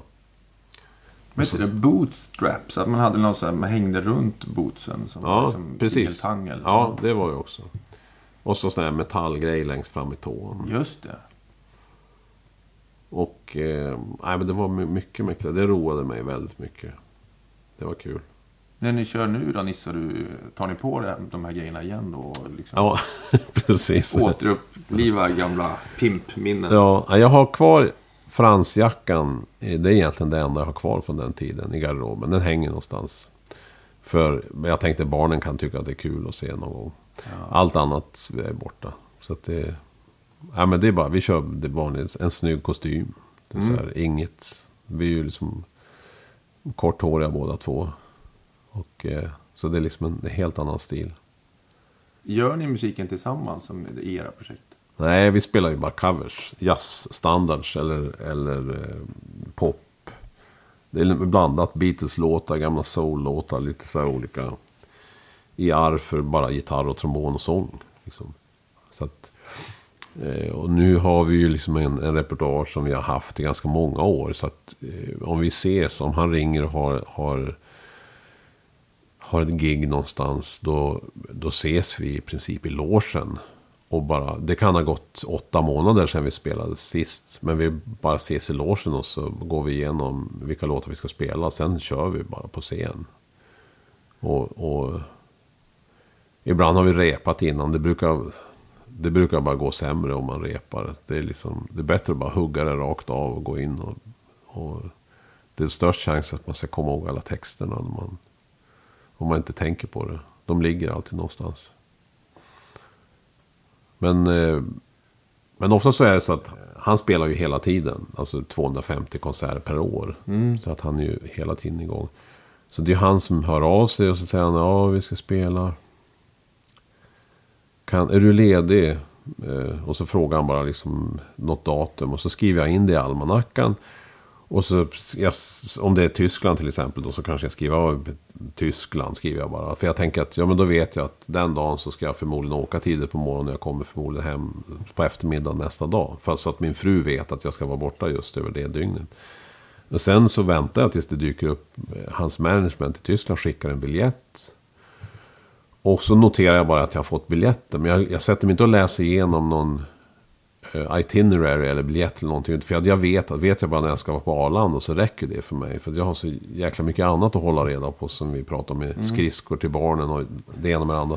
Så att jag kan inte ägna mig åt att sitta och fundera två dagar innan jag ska till Tyskland på vad jag ska göra. Utan det tänker jag, det kan jag göra då jag sitter på bussen till Arlanda. Det räcker för mig att jag vet att jag ska ha med mig en gitarr och en kostym. Så. Och så ses vi på Arlanda. Ibland ses vi i Tyskland som det ofta är eftersom han, han är på resande fot. Så att vi strålar samman någonstans, Köpenhamn eller Frankfurt. Och så, eh, som det var sist och så, ja då ses vi på Arlanda och så pratar vi. Och så, det är först då vi kommer fram till Frankfurt som jag frågar vad vi ska göra. Liksom. Ja, då säger han, vi ska till Münster. Jaha, så vi ska byta plan nu till, till Hannover. Ja, så flyger vi till Hannover och sen så ska vi ta ett tåg därifrån till Münster och så kommer vi dit. Och det, jag vet fortfarande inte mer än att jag ska spela i Münster. Och så kommer vi dit och sen visar det sig att vi ska... Ja, Vi letar efter en adress och då vi kommer dit visar det sig att det är ett försäkringsbolags huvudkontor. Och där är det en, där är det en eh, vernissage, ett konstgalleri. Så vi ska spela liksom i ett, ett konstgalleri på en vernissage inför en liten sittande publik. Och det finns inte ens mikrofoner eller någonting. Absolut ingenting. Och då... Ja, men det är liksom bara att gilla läget. För jag känner att det spelar ingen roll om jag vet det flera dagar i förväg vad det är jag ska göra. Det, det förändrar ingenting för mig. Nej. För så länge som jag vet att det är Nisse och jag, då löser det sig ju alltid. Och det blir alltid kul. Liksom. Men Så att- låtarna, innan ni går in, har ni pratat om någon Ja, ja, då bestämmer vi. Vi sätter oss liksom... Medan vi byter om till kostym så, så, så säger vi att ja, men vi, vi börjar väl som vanligt med den här låten och sen så kör vi. Och, så det är ju inget, det är inget avancerat upplägg utan vi spelar det vi brukar spela. Och så... Hur, sen långt är det ett sånt här set? Är det 15 låtars set? Eller? Ja, 12, 13, 14 låtar. Ja, något där. En, en timme och 20 minuter, 30 minuter. En timme och 30 minuter kanske. Och så är det liksom en massa mellansnack och några av dem som vi har gjort förut. Som, där man känner att här kan det vara kul att berätta det här. Eller, så så det är ju en, det är en stor trygghet i också att ha ett stort förråd av låtar som vi kan plocka. Ibland så kan man säga, men vore det inte kul att spela den här? Den har vi inte fan spelat på tio år, det vore kul liksom. Och så slänger man in den gamla låten. Och sätter ni bara, ja men den går i den här tonarten, eller börjar någon och så hänger den andra Nej, men det, tonart vet man ju vilken tonart det går i. Det kommer man ju ihåg. Eh, ibland kan det ju vara att jag börjar i fel tonart. För att jag har glömt sätta på kapon. För att jag glömmer, ja just det, vi brukar spela den i, om jag har upp, stämd gitarren i öppet C. Så brukar jag ha kapon på andra bandet och då blir det D. Och så, ja, jag, ibland så missar och så ska han börja sjunga och så ja, får vi börja om från början helt enkelt. Det har ju hänt några gånger. Men det, det måste väl de som tittar och tycker är rätt kul. Absolut. De tror att det är inrepat. Ja, att, att vi gör det som en grej att komma av oss. Så att, vilket är ju lite... Det kan vi ju bjuda på att de får tro det, men... Eh, och det blir, alltså jag tror att folk... Om, om man är... Eftersom allting som vi gör på scenen, det ser så otroligt avspänt och inrepat ut. Eftersom vi kan verkligen det vi gör. Så att då vi då kommer av oss och börjar om från början. Då tror folk nästan att det där har de repat in, för det blev ju så jävla kul. Liksom. Ja. Eh, Men så är det ju inte. Vi, vi gör ju vårt yttersta för att inte komma av oss. Men vi, vi gör ju det i alla fall. Det är omöjligt att inte komma av sig om man, om man har ett uppehåll på åtta månader och så missar man någonting. Och då, då är det är ju inte så att man tycker att fan vad pinsamt att vi kommer av oss. Utan vi, blir, vi tycker det är ganska roligt. Vi skrattar ju själva åt det. Och skrattar vi, då tror publiken att är ännu större anledning att tro att det är inrepat. Kör ni All You Need Is Love, tänker Beatles och så in, introt där med nej. trombon? nej, nej. nej, precis. Det vore ju... det är det kanske den enda Beatles-låten som kända Beatles-låten som det är trombon på. Ja. Eh, nej, nej, den kör vi inte. Vi kör Eleanor Rigby. Den har vi alltid spelat. Eh, I ett specialar.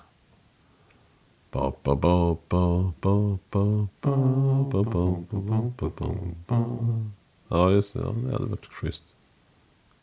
Ja, nej men så, så går det till då man spelar. Man spelar med Nisse. Då, då är det inte... Eh, han hatar ju att repa. Så att det är liksom... En som jag föreslog att vi skulle repetera så skulle han försöka smita undan.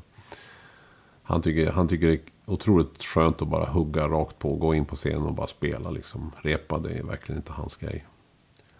Men han hinner väl inte repa om han spelar 250 gig om året? Nej, jo men det gör han ju. Han, ofta så gör han ju konserter med, ja du vet, någon symfoniorkester i Tyskland eller Österrike eller Schweiz. Och då måste han ju vara där två dagar innan konserten och repetera om det är en, något speciella ar, nya arrangemang. Eller det kanske till och med en trombonkonsert. Men då är det saker som han egentligen kan. Alltså då han spelat som med mig eller med våran julturné som vi gör december. Gör vi 25 konserter i Tyskland varje år. Sen tio år tillbaka. Eller vartannat år sen tio år tillbaka. Eh, ja, men då är det sådana här saker som han kan. Då, eh, som alla andra skulle kanske tycka att ska vi inte bara köra igenom det här en gång. Men han, åh, han tycker det är asjobbigt att hålla på och repa det. Då han känner att han kan det. Och det är ju bara... Det är ett bra sätt att jobba på det. För att då vet alla andra att man repar på sitt håll. Man känner att ja, men jag kollar så att jag kan min bit. Och så min del av den här låten. Mina ackord. Sen spelar man. Och då funkar det. Och eftersom det är liksom i ett jazzformat hela tiden så finns ju alltid utrymme för... Ja, men för att improvisera. Det behöver inte bli exakt likadant varje gång.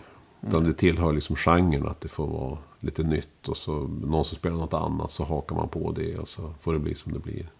Det låter som ni har jävligt kul med det där. Ja, det är kul. Det är väldigt Jag har svårt att föreställa mig att göra något...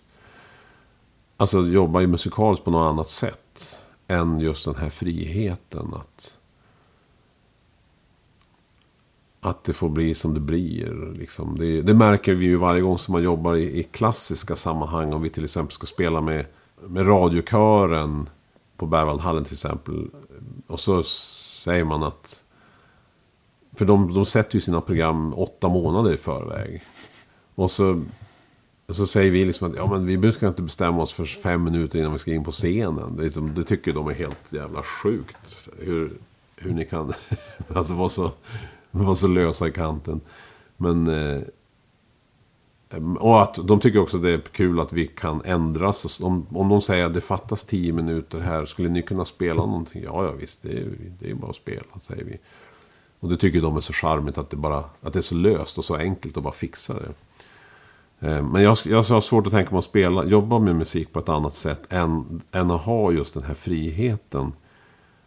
Eh, Då man, då man går in, och det är ju, det är ju liksom jazzens eh, grej att ett riktigt bra popband, där repar ju alla tillsammans för att få det att låta riktigt bra, för att få sitt sound. Ett riktigt bra jazzband, där har ju alla repat var och en för sig innan.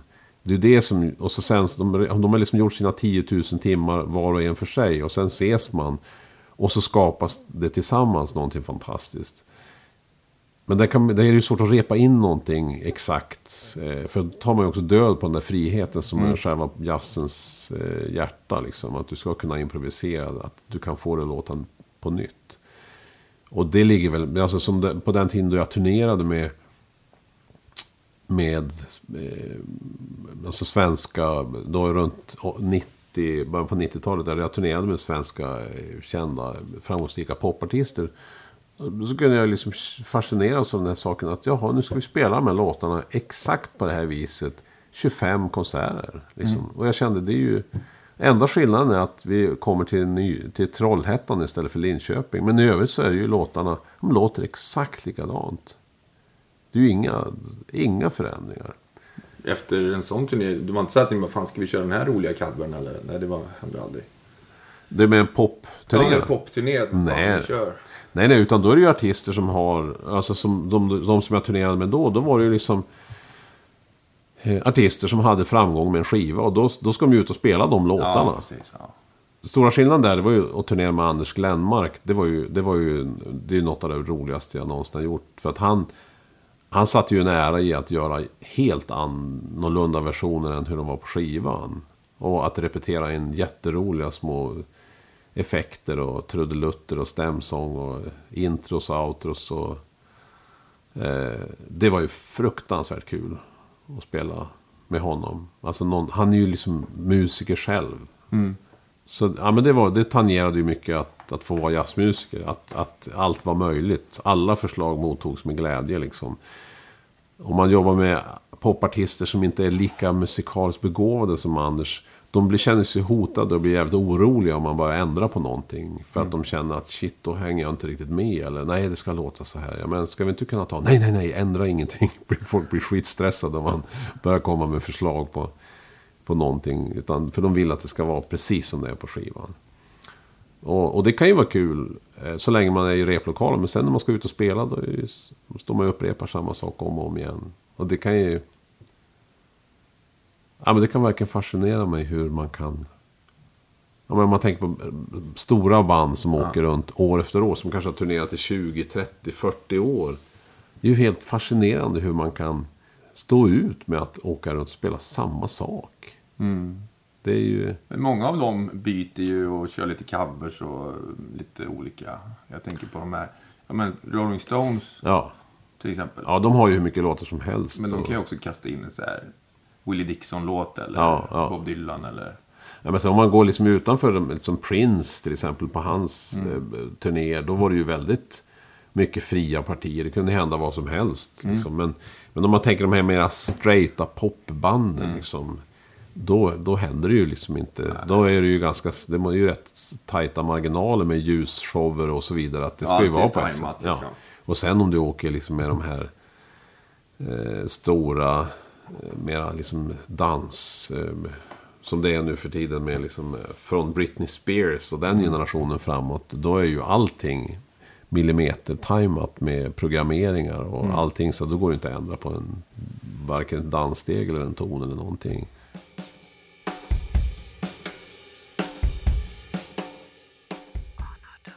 Jag var ju på en klinik som du hade. Du, du berättade om att du fick sparken utav Cornelis. Det var en väldigt rolig historia. Många gånger också. Fyra gånger Ja. på sa- samma år faktiskt. Eh, Ska jag berätta den Ja, historien? jättegärna. Ja, visst.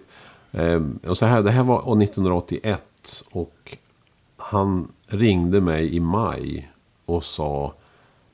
Han var i Kirkenäs, i, i, där uppe vid ryska gränsen, och sa ja, kan du spela med mig på fredag? Conny nej, han har fått sparken. Han, jag orkar inte med honom längre. Och då var... Då tror jag att på den tiden så var det lite grann så att Cornelis han krökade ju en del. Och, och Conny han rökte lite grann. Och, och det gillade inte Cornelis. Av någon underlig anledning. Och han tyckte det var helt okej att han själv krökade. Men ingen, man fick inte röka. Alltså han fått sparken. Och så kom ja men, och det här var ju, jag tyckte det var helt fantastiskt. Jag var 20, jag var 81. Jag, var, alltså, jag hade inte fyllt 21, jag var bara 20 år. Jag tyckte det var, nej 22 var jag ju. Eh, skitsamma. Eh, jag tyckte det var helt fantastiskt. Cornelis ringer i telefon. Och även om han var liksom egentligen på botten av sin karriär då. Eh, då var han liksom en svensktoppsartist med hönan Agda som folk inte tog på sig jättestort allvar. Eh, men i min värld så var han ju gigantisk. För att vi hade hans... Jag hade ju hans, hans skiv, köpt, själv köpt hans skivor. Och hemma hade vi den här, hans första platta. Så jag tyckte det var helt fantastiskt. Så Jag sa, ja men jag kommer till, till Gröna Lund på fredag, vi ses där.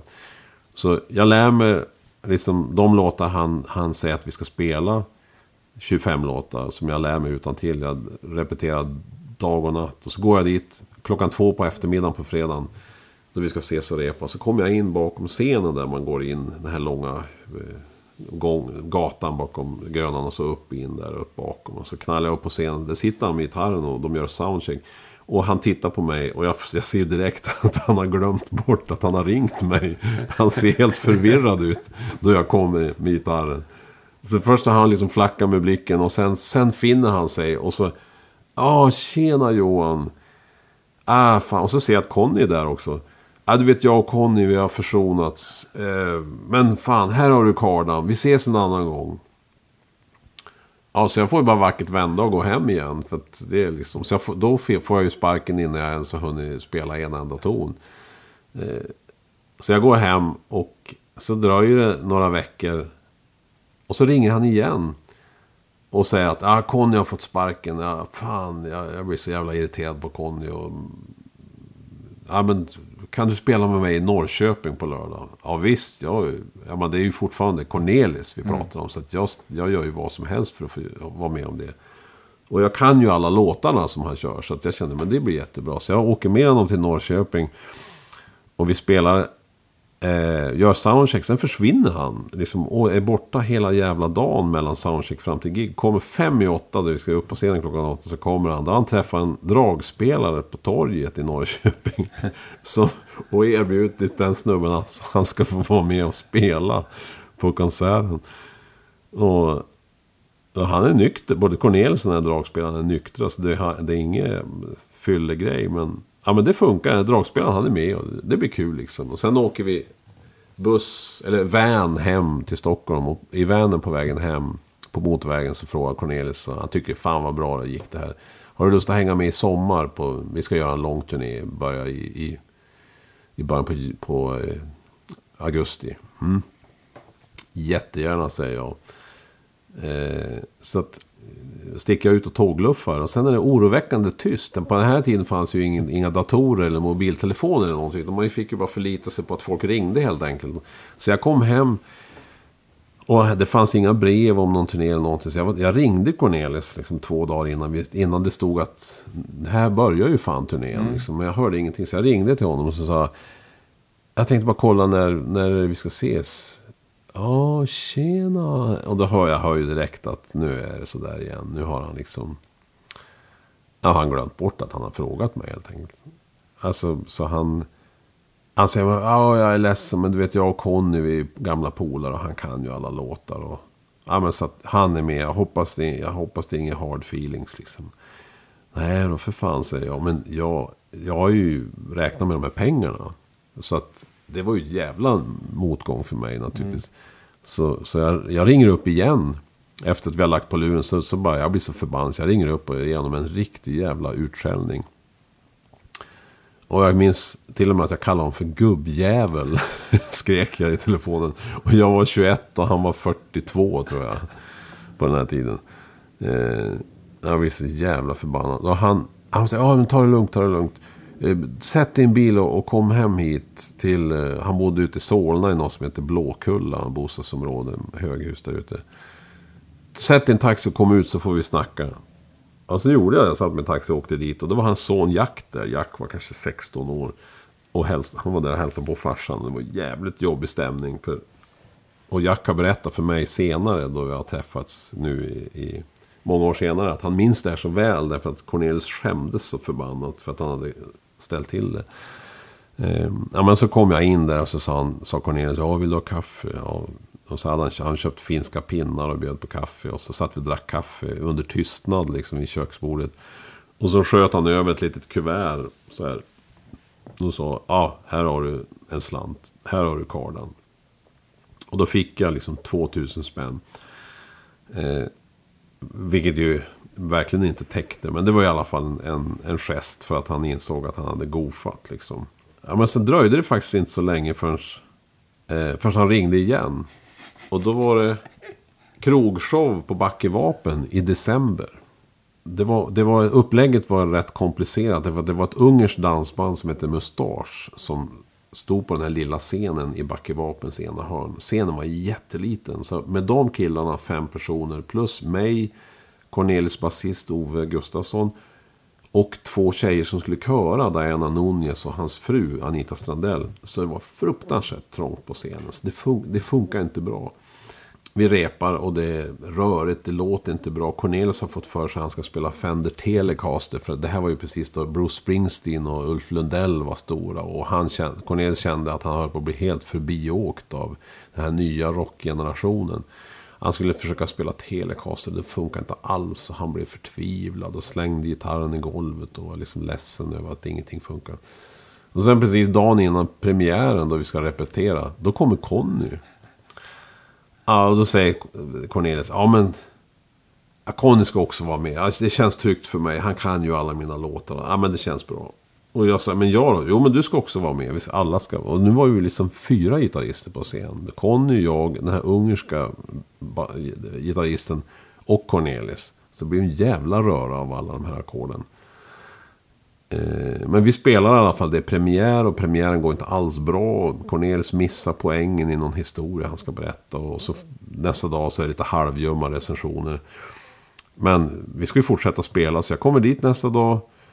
Eh, går upp på scenen, packar upp gitarren och ska stämma innan, innan krogshowen. Och Conny sitter där redan och har stämt. Och han tittar på mig och säger, vad fan gör du här? Du har fått sparken. Va? Igen? säger jag. Det kan ju inte vara möjligt. Så att, så jag går in till, till låsen som ligger precis bakom baren på Backevapen. Och där sitter Cornelius. Han tittar inte ens. Han ser att det är jag som kommer in. Men han tittar inte ens åt mitt håll där jag kommer in. För han, han, han mår inte bra alls då över, över det här. Så, att, så jag frågade precis som det. Har jag fått sparken igen? Ja, jag är ledsen. Du vet, det blir för rörigt här. Och jag och Conny är gamla kompisar. Men här har du kardan, säger han. och så säger han. Men du får betalt för alla tre månaderna i alla fall. Det är en hederssak. Det var fint. Så jag fick betalt. Alltså i tre månader utan att, utan att gå dit varje kväll. Tre månader kväll efter kväll. Det är ju det bästa jobb jag haft någonsin. Får man ju säga. Och, och de pengarna möjliggjorde att jag kunde åka till Berkeley och, och studera. Alltså Cornelis sponsrade? Ja, det, det måste man säga. Därför att då, då hade jag råd att åka dit. Det var liksom, för jag hade, jag skulle, jag hade bestämt att jag skulle åka dit. Men jag hade inte fått ihop ekonomin. Eh, så det här var ju jätteviktigt för mig. Att jag fick de där pengarna av honom. Eh, men, men eh, sen spelade vi igen men han skulle ju spela på Ängelen också. Och så hade vi ett band som bestod av mig, trummisen Roger Palm. Conny var med naturligtvis. En basist. Och så Björn Gison Lind på keyboards. Och det här var precis då Prophet 5 hade kommit. Den här synten som man kunde spela fler toner på samtidigt. Vilket ju var ju helt fantastiskt på den tiden. Och det var egentligen Anita Strandell, Cornelis fru. Det var egentligen hennes gig alltså. För hon hade precis släppt en platta. Eh, men eh, Cornelis hade precis kommit in i en period där han började småkröka lite grann. Så här, han hade ett, ett, vet man kan köpa en bälten, patronbälten med underberg. Ett sånt patronbälte hade han. För att han kände att om han bara dricker en sån liten flaska så räknas det liksom inte. Det var ju bara det att han drack en sån där liten flaska. Sen drack han en till. Och så, han kunde dra i sig tio sådana flaskor. Och Björn Jison Lind kunde ju också kröka till ibland. Och de hamnade liksom samtidigt i, i någon slags period. De gick och käkade lunch på, på, eh, på Gyllene Freden som låg precis runt hörnet. Och kom liksom tillbaks tre timmar senare och var ovänner. Det var någon gammal deg som de hade börjat dra i. Från någon platta som, som Björn hade producerat. Eh, ja, men det var någon slags grej. Alltså det spårar ju fullständigt. Han, vi repeterade in att han skulle läsa en dikt. Och då skulle Björn Gissel göra en, en ljudeffekt. Där läsa här, så här, Vågorna slår mot Copacabanas stränder. Och då, då skulle Björn Gissel göra en ljudeffekt. Och det repeterade vi in. Men då vi väl spelade in det för tv då på kvällen. Då vi kom till det här stället, då, då hade Björn Gison då hade han liksom sjabblat bort det så att han, eller medvetet var, han skulle jävlas med Cornelius. Så han tog, hittade ett annat ljud istället, det här visselljudet. Så här. Det här, den onde, den gode, den fule soundtracket. Så började han spela istället. Och då blev Cornelius så jävla förbannad. Och plötsligt, ja men då, jag såg att Cornelius höll på att bryta ihop. Det var helt dödstyst och publiken, de vågade ju fan inte röra sig. För det, det blir så pinsamt om någon blir så arg som han blev. Och så plötsligt så åkte det förbi en buss, en vanlig SL-buss utanför på gatan. Och då bara freakade han ut fullständigt och bara skrek.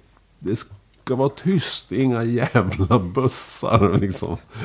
Och alla satt, alla satt bara och stirrade och hoppades att det skulle ta slut någon gång. Och sen hon som producerade Barbro tror jag hon hette. Hon var så jävla arg efteråt. För det här skulle bli ett långt en och en halv timmes program. Och jag tror de lyckades klippa ihop 20 minuter som gick att sända av det här. För det var så himla misslyckat.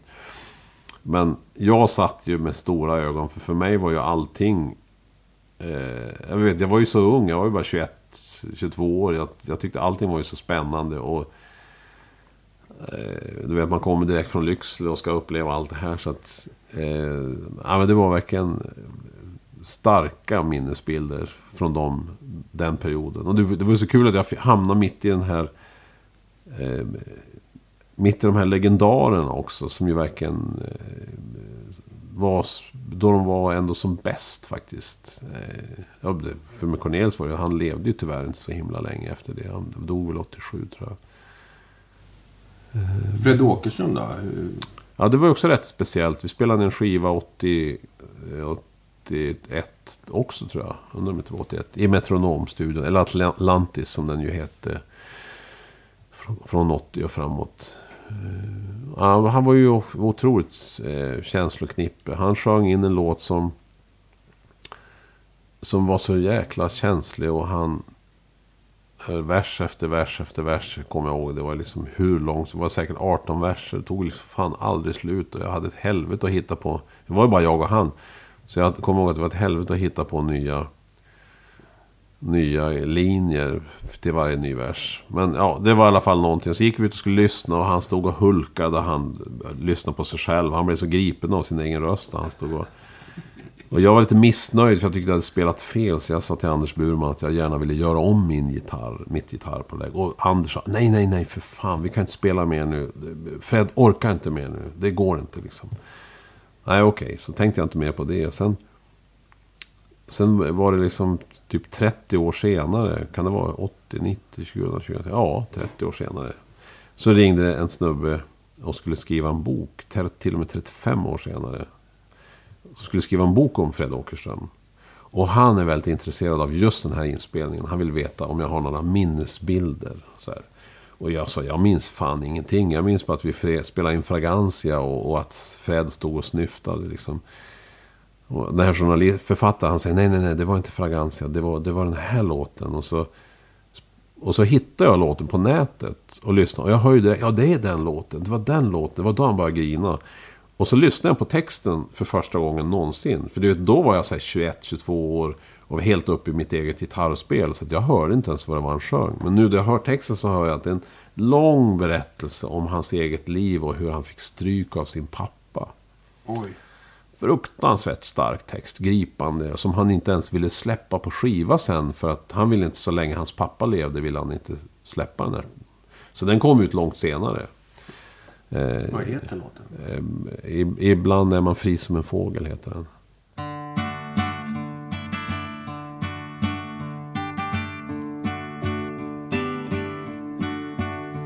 Jag föddes en gång vid en stjärna. I dess stålkalla sken rös jag till. När en sax gjorde slut på det fina som blott mor min och jag kände till. Ingenstans är man fri som en fågel. Ingenstans, ingenstans, ingenstans. Låt det gå, låt det rulla som tåget Mitt sönderslagna liv till sitt slut. Från min tidiga barndom så minns jag Hur som far bar sig åt, även mor. Det finns mycket jag gärna vill glömma. Så ibland är min ångest rätt stor. Ja, jag somnade gärna vid bröstet. Det var varmt, det var gott, det var mor. Men så där var farsan med näven. Varför gjorde du ingenting mor? Ingenstans är man fri som en fågel. Ingenstans, ingenstans, ingenstans. Låt det gå, låt det rulla som tåget Mitt sönderslagna liv till sitt slut Ja, han slog mig en gång, ska ni veta Med en käpp och med styrka så rå att vår skolfröken sa, jag vill veta vem har slagit dig blodig och blå? Och i skolan så fortsatte skiten. Jag var stor, jag var tafatt och rädd. Jag var klumpig i lekar och idrott. Ständigt rädd att bli hånad och smädd. Ingenstans är man fri som en fågel. Ingenstans, ingenstans, ingenstans. Låt det gå, låt det rulla som tåget.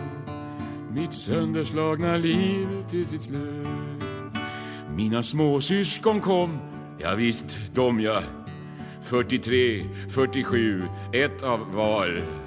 Resultat av tillfällig försoning eller hypnotisering från far. Men en dag så sa morsan, nej nu jävlar, han har plågat mig, nog nu den där. Jag har vänt både slantar och kläder. Han kan dansa åt helvete, Per. Ingenstans är man fri som en fågel. Ingenstans, ingenstans, ingenstans. Låt det gå, låt det rulla som tåget Mitt sönderslagna liv till sitt slut Men en annan stark minnesbild från just den här gången var att Anders Burman hade signat en bankrånare som heter Kai Hansson. Eh, som var, var rätt dramatiskt. Han kunde komma in på Burmans kontor med en kniv och begära förskott. Liksom, och han var en jäkligt röjig snubbe. Och på den tiden fanns det samtidigt en kill, en rockmusiker som hette Blomman. Som hade någon hit med Man borde tjacka spikskor tror jag. Eller någonting. Mm. Och de två snubbarna, de dök upp under inspelningen med Fred Åkerström. För de tyckte att de hade fått skivkontrakt. Så de, de hängde lite, ville hänga i studion lite. De tyckte det spelar ingen roll att inte jag ska vara... Att det inte är deras inspelning. De tyckte att det är deras rätt att dyka upp. Så de dök upp plötsligt. Eh, och Blomman var ju också en, en man med, med en slags eh, halvkriminellt förflutet. Han och Kai Hansson dök upp. Och så var det Fred och så skulle vi gå och käka lunch på Rörstrandsgatan. Jag och Anders Burman. Och de här tre, de här tre herrarna.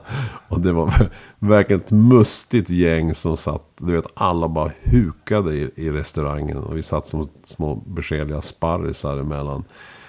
Och jag är skiträdd helt enkelt. Jag tänkte nu jävlar, nu åker vi på stryk liksom. Men nej, det gick bra.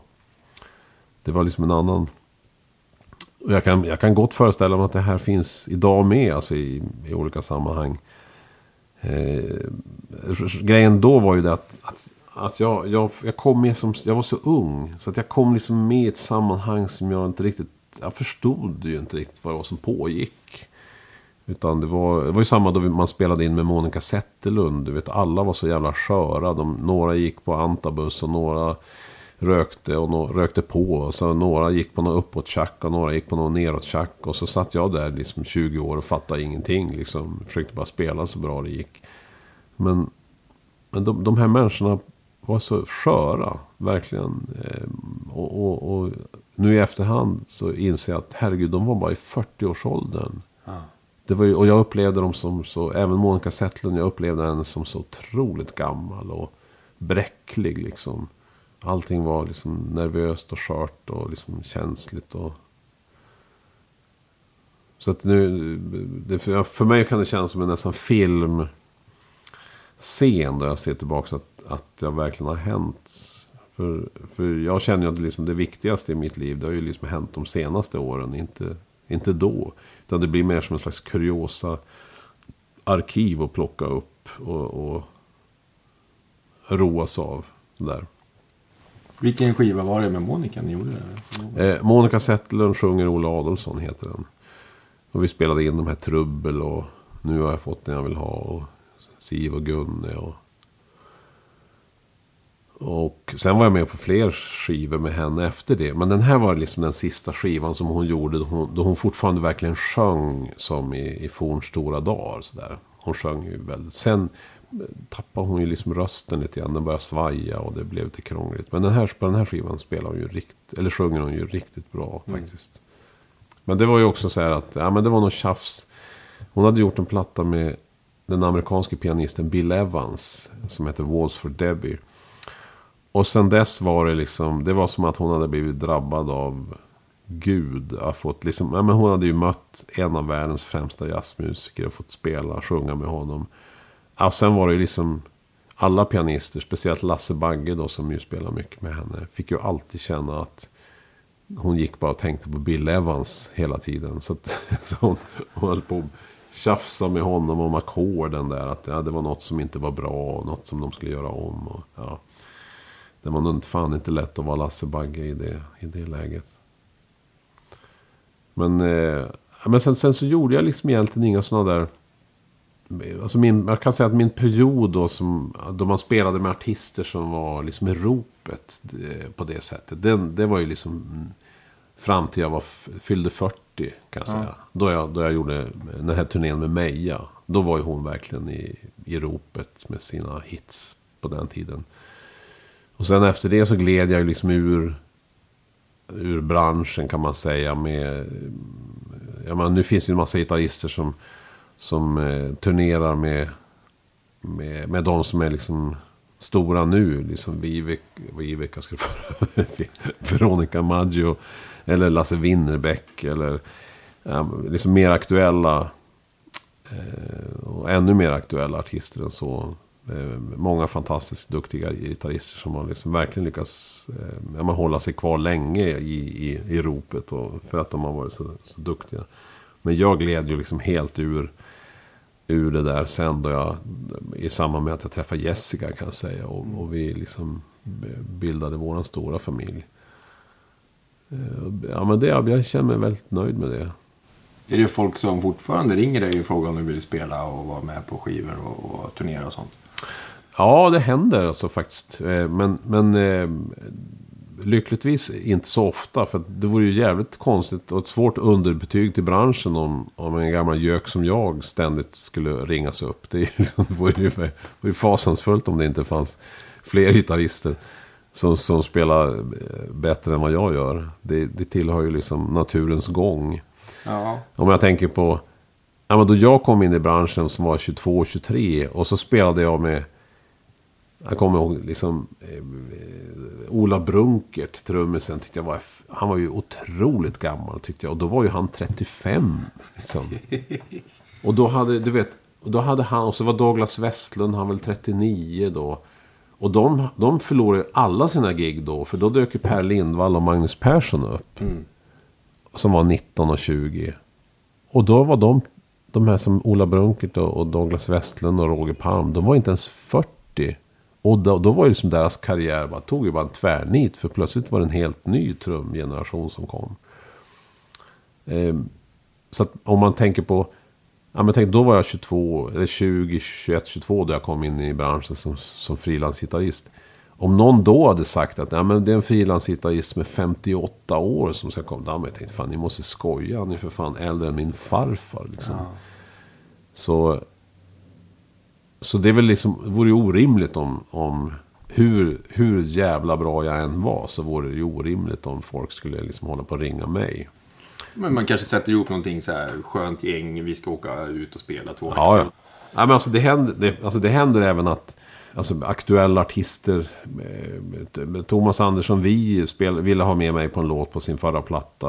Och, och vad heter hon? Sarah Dawn Finer ville att jag skulle vara med på hennes julskiva. Och, eh, ja, men du vet, det, det är klart att det händer att det finns artister som ändå har upplevt mig då de var liksom i i övre tonåren. Och så tyckte de att åh shit vad bra de är. Han, eh, gitarristen där som spelar så akustisk gitarr med öppen stämning. Och, eh, absolut, det finns ju. Så det, det händer ju att, att, det, att det ringer folk fortfarande för sådana för en del olika gigs. Som jag i stort sett alltid tackar nej till. Ja. För att jag, jag kan inte. Det blir för krångligt. Och, och, eh, och, och sen blir det också i relation till nedlagd arbetstid blir det inte ekonomiskt för mig. Det blir inte hållbart. Jag kan liksom inte... Om man ska repa in si och så mycket så ska vi flyga till Luleå och göra ett gig och så komma hem. Och du vet det går två, tre dygn och så ska man kunna... Du vet, då kunde jag ha suttit hemma och skrivit. Och, och jag, jag tycker det är vansinnigt kul att spela. Men jag tycker det är ännu värre att känna att jag förlorar tid. Det kan ju, alltså att just det här med att sit, man sitter och väntar på en flygplats. I, Mm. ja, men som jag berättade, jag och Nisse åkte till Münster. Det tog fan tio timmar att komma dit. Och då kan jag verkligen känna att, att oavs, och det har inte med hur, hur högt gage det är. Det har inte med pengarna att göra. Utan det har att göra med att jag känner att, att jag har inte tid att bara sitta och vänta. Nej. Det går liksom inte. Alltså, all den här tiden hade jag kunnat... Jag, dels hade jag kunnat sitta hemma och skriva. Men framförallt så hade jag kunnat vara med barnen. Vi hade kunnat, eh, jag hade kunnat eh, tömma diskmaskin tre gånger. Hänga tvätten, städa lägenheten. Allt sånt som måste göras. Så här, nu, här sitter jag på en jävla... I Frankfurt och bara väntar på ett jävla plan. Kan du inte eh, tycka att det är skönt att få vila lite då? Nej. Nej, du vill hem och packa skridskorna. Ja, det låter ju konstigt.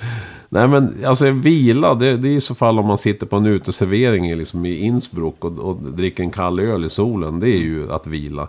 Men bara sitta och vänta på en flygplats, det är ju bara jävligt tärande. Det är bara tröttsamt. Och så ska man in på någon jävla transferbuss och sen ska man sitta in i en jävla taxi på autobahn och så ska man nå, ja.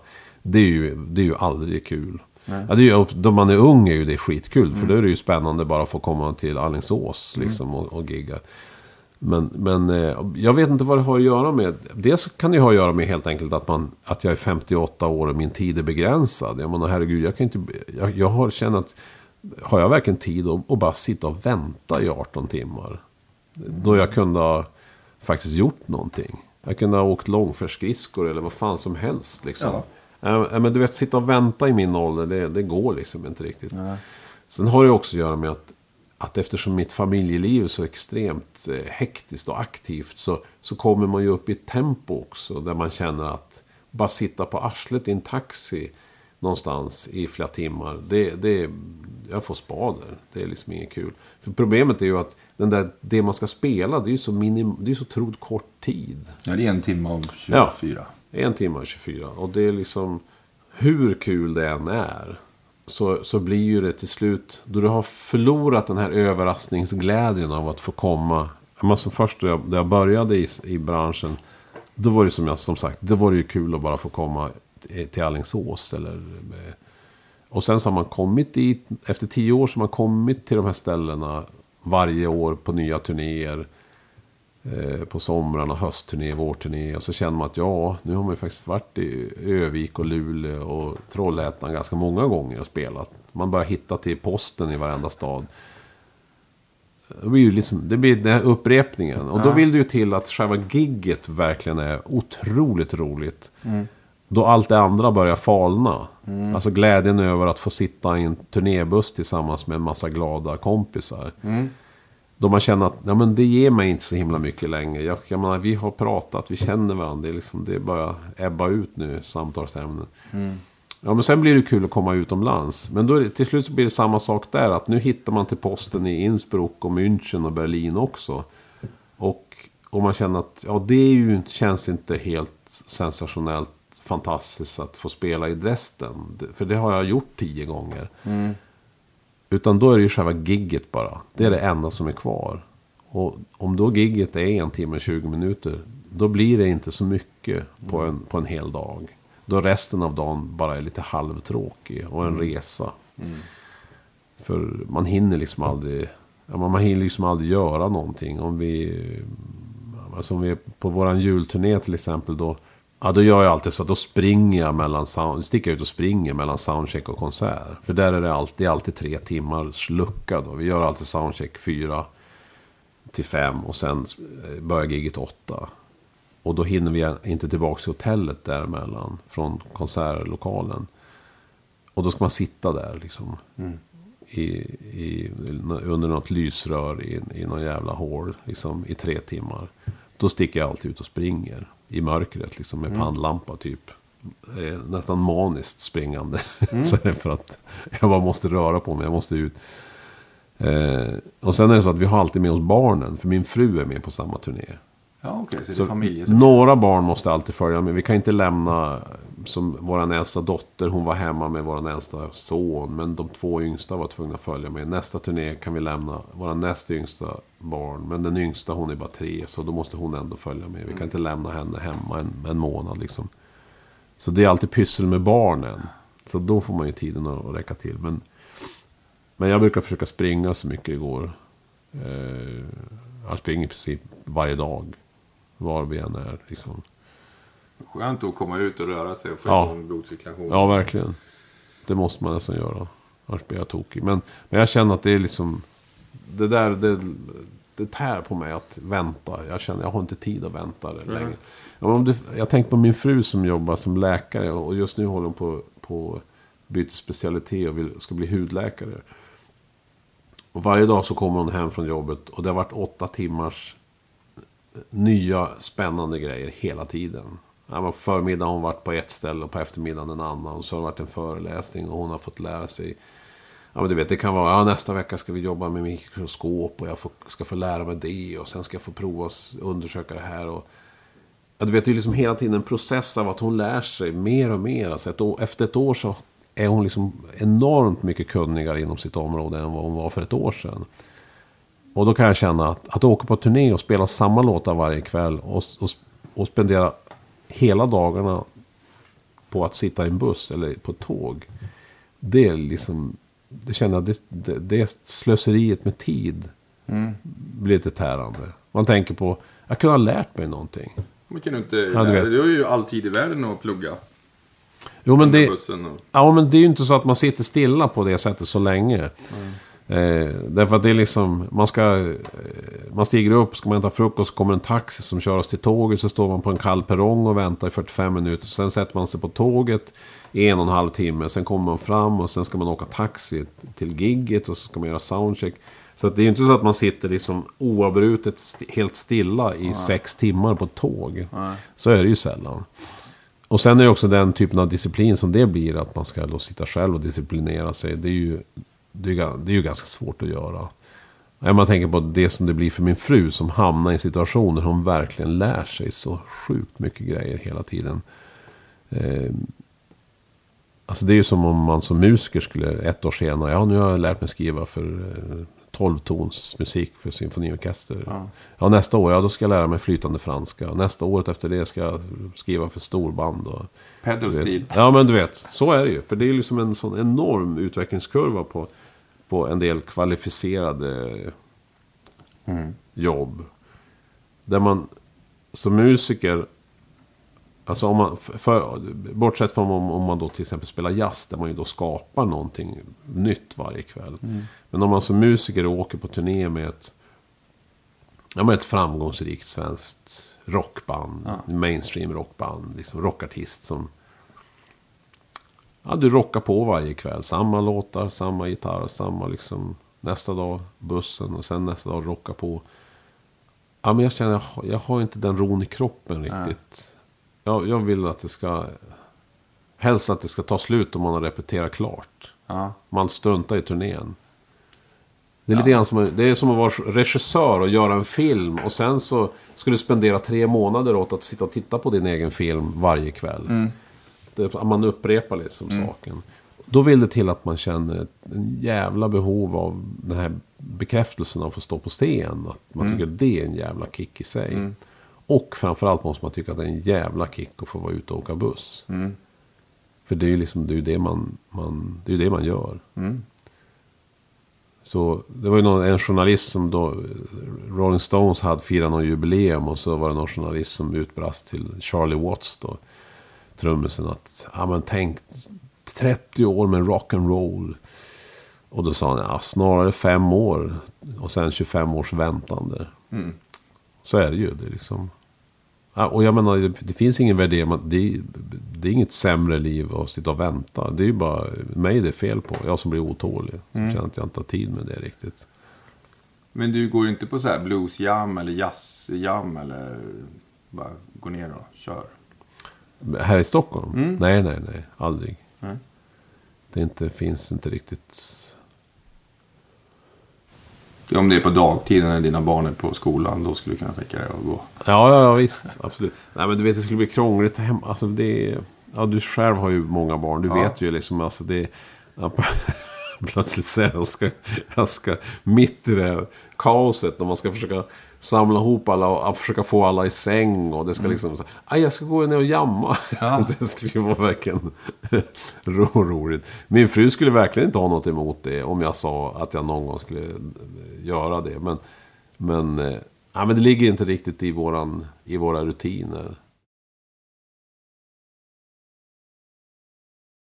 Det är mer en utmaning för dig att vara hemma och klara än att åka på Tysklandsturné.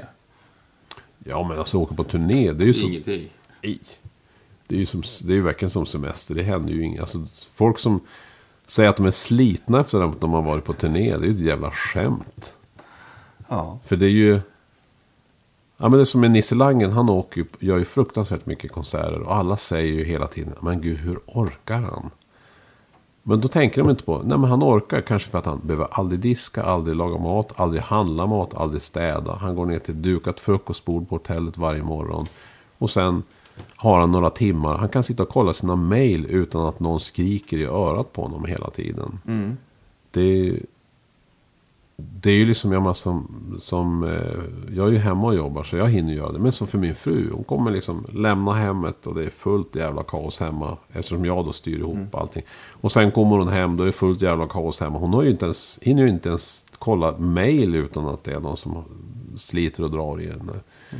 Eh, Än mindre hinner hon gå på posten eller du vet något sånt där som alla andra människor hinner. Ja, men det är en fantastisk eh, röra som ska skötas. Att, att vara på turné är ju liksom ingen... Det är ju det är som sagt eh, lite, inte så slitsamt. Där Man kan ju garva åt det då folk säger att de har varit på turné och de, är, de ska vila för att de har varit på turné. Liksom. De åker hem och vila upp sig. Liksom. Ja. Jag tror inte det är småbarnsföräldrar som säger så. Nej, nej, det tror jag inte. Verkligen inte. Men, men ja, man ska ju aldrig eh, raljera över. Men alla människors eh, smärta är ju individuell. Och känner man att man blir jävligt sliten av att vara på turné så kan det ju vara så. Det har ju ofta ett, ett visst samband med hur mycket man dricker också. Man blir ju lite tröttare om man dricker mycket sprit på kvällarna. Har, jag, har jag i alla fall erfarit av egen surt förvärvad erfarenhet. Så är det ju. Så är det You can reach me by railway. You can reach me by trailway. You can reach me on an airplane. You can reach me with your mind. You can reach me by caravan. Cross the desert like an Arab man.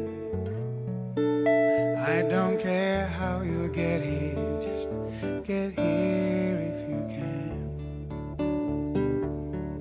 You can reach me by sailboat, climb a tree and swing rope to rope. Take a sled and slide down slow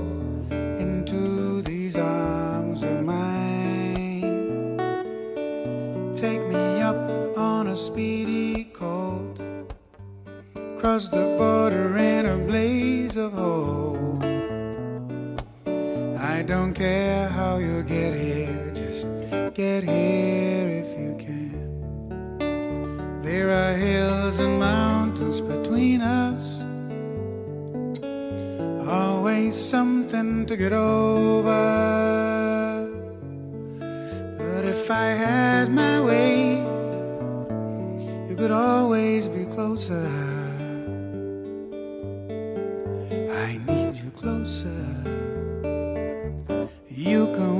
Windsurf into my life. Take me up on a carpet ride. You can make it in a big balloon, but you better make it soon. You can reach me by caravan, cross the desert like an Arab man. I don't care how you get here, get here if you can.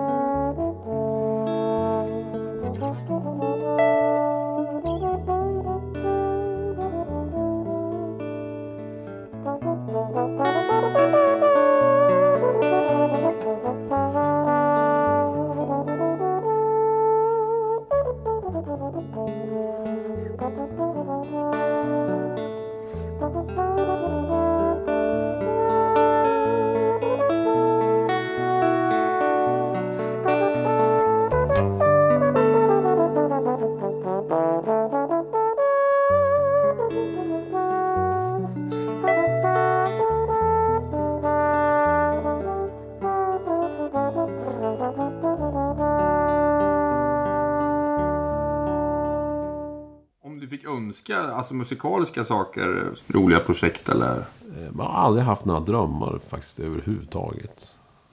Det låter ju konstigt men nu då det är så mycket självhjälps eh, gurus och coaching och självcoaching och citat på sociala medier om att du ska följa dina drömmar och ge inte upp, sätt upp nya delmål och om du misslyckas så lär dig av misstagen och fortsätt mot dina drömmar. Och jag inser att fan, jag har, inte, jag har aldrig haft en enda dröm om någonting. Det är liksom... Jag har haft så kortdistansdröm. Jag har liksom drömt om att det vore kul att spela imorgon igen. Alltså men aldrig. Det var inte så att när jag bodde i Lycksele drömde jag inte om att en gång bli studiomusiker i Stockholm. När jag bodde i Lycksele så drömde jag om att få kanske spela med han på ungdomsgården som hade en elgitarr. Jag tänkte det vore kul att få prova hans elgitarr. Och sen, du vet, tänkte jag, tänk om jag kunde få spela med Peter, han som går i, då jag gick i sjuan. Han var trummis, han gick i åtta. Det var ju bara att fråga honom och så kolla om aulan var ledig, så fick jag ju spela med honom. Det var ju det var ingen så här orimlig dröm. Nej. Och sen när jag kom till Stockholm, då tänkte jag, tänk om man kunde få spela med någon av de här jazzmusikerna som är på Fasching. Det var ju inte heller någon, det var inte så att jag satt i Stockholm och tänkte att jag vill spela med Chick Corea. Eller du vet, någon sån här amerikansk superstjärna. Aldrig något sånt. Och sen de här studiojobben som jag fick, det var ju inte alls det jag... Jag drömde ju inte om att spela med Cornelis, utan det var ju jobb som jag fick för att jag var jazzmusiker. Jag hade ju ingen ambition att spela med Cornelis och Fred Åkerström och Lill Lindfors och Monica Zetterlund. Det var ju inte alls min dröm, utan det var ju jobb som jag fick. Som jag tyckte var kul, va? men det var inte det som jag... Vad var det du tänkte? Alltså, Ja, jag ville spela jazz. Liksom. Det var min grej. Sen dök det upp sådana jobb. Så det var ju... För mig så hade... Det var liksom svensktoppsartister för mig som, som hörde av sig. Och, som Cornelis och Lill Lindfors. Det var inget som jag kände att... Oj, nu har jag nått mina drömmars mål. Eh, men vilka vill man lira? Hansson och Karlsson? De var Nej. så här, vi skulle behöva ha gitarr. nej, så länge sedan var det inte. Nej. Så gammal är jag inte faktiskt. De, spelade, det var, de höll ju på liksom i, på slut på 60-talet. Ja. Men, eh, nej, men det var ju som artist, eller jazzmusiker som inte är alls speciellt kända liksom, för en större publik. Som Bernt Rosengren och Nisse Sandström och... Eh, ja, men så här som bra jazzmusiker. Det, det tänkte jag, tänk att få spela med dem. Liksom. Det, var, det var det. Det var, var inte så att jag tänkte... Och sen ringde Cornelis. Då var det inte så att jag kände att nu har jag nått verkligen fram till någonting. Utan det var bara ett sidospår som, som var ett, ett jobb. Men Eh, ja, men, och på den vägen har det varit. Jag har faktiskt aldrig haft några, några framtidsdrömmar om, om vad jag vill göra med musiken. Sådär. Utan jag, det har liksom... Liksom gjort det jag har gjort och så... Eh, men jag brukar säga, speciellt med yngre musiker, så säger man att man behöver inte ha så mycket drömmar. Om man bara försöker öva regelbundet, är försiktig med spriten och duschar ordentligt och, och sköter sig, då, då, då blir det bra. Det är liksom, och så, utan så himla mycket drömmar så kan man ju istället njuta av var man har hamnat till sin förvåning och känna att fan vad kul det här blev. Om man sätter upp en massa drömmar då är det ju det är bara dömt att misslyckas. För det kan ju aldrig bli precis som man har drömt. I alla fall hur man än bär sig åt. Det är ju omöjligt. Det är liksom eh, så här idrottsdrömmar då man visualiserar sig själv överst på prispallen. Och sånt har jag aldrig haft. Alltså, Någonsin. Ehm, och det måste, alltså om man verkligen ska lyckas så där som Esbjörn Svensson gjorde internationellt. Då måste man ju verkligen vara stenhård och sätta upp mål och tänka liksom att jag vill nå ut. Jag ska kämpa för det. Men jag har aldrig haft det faktiskt. Inte ens privat eh, kan jag säga. Alltså, då min fru sa jag vill ha tre barn så sa jag vad fan det blir toppen. Hon hade kunnat säga sju barn eller ett. Det hade också varit bra. Eller inga barn alls. Det var liksom... Det blir perfekt. Du ramlar med, du ramlar på lite och så tycker du... Ja. är nöjd med där du hamnar liksom. Ja, men eftersom jag var så nöjd med henne så kände jag att vi är ett bra team, då blir det bra. Jag blev som förälskad i henne och så kände, kände vi liksom... Fan vad bra det här blir. Då, blir- då, men då, då blir det bra liksom. Men, eh, ja, men just, jag, jag blev nästan förvånad själv då jag insåg att jag faktiskt aldrig har haft några drömmar om vad jag vill göra. Jag har aldrig sett mig själv som... Tänk om jag får bli en av de där som studiemusiker i Los Angeles. Liksom, som då man kanske skulle ha drömt om på 80-talet. Liksom, om, om man kunde få bli en sån Jay Graydon eller Steve Lukather. Eller, eller som jazzmusiker då, en, en sån John Scofield eller Pat Metheny. Eller, nej, aldrig tänkt så. Jag har bara tänkt att jag, jag övar på och så, så får vi se vad, det blir. Liksom. Om Chicoria ringer och behöver en ny gitarrist. Du bara, nej men det är sportlov då, jag kan inte åka. Ja, det skulle jag nog säga faktiskt. Jag skulle, det, det, om, det, om det skulle vara över sportlovet, då skulle jag nog säga så. Nej, nej, jag skulle aldrig, aldrig börja... Nej, det är för sent. Jag skulle bli stressad av att åka iväg. Alltså den typen av... Jag känner ju folk som åker på såna här turnéer. i- Alltså amerikanska kompisar som jag har. Eh, som bor i Los Angeles. Som är liksom i min ålder. Som är, som är liksom inne i den här världen av, av eh, frilansmusiker. Och dels vet jag ju vad de tjänar. Och sen vet jag hur deras liv ser ut. Och jag lever ju ett otroligt mycket bättre liv än vad de gör. Det gör jag verkligen. På alla sätt och vis. Både ekonomiskt och eh, socialt. och...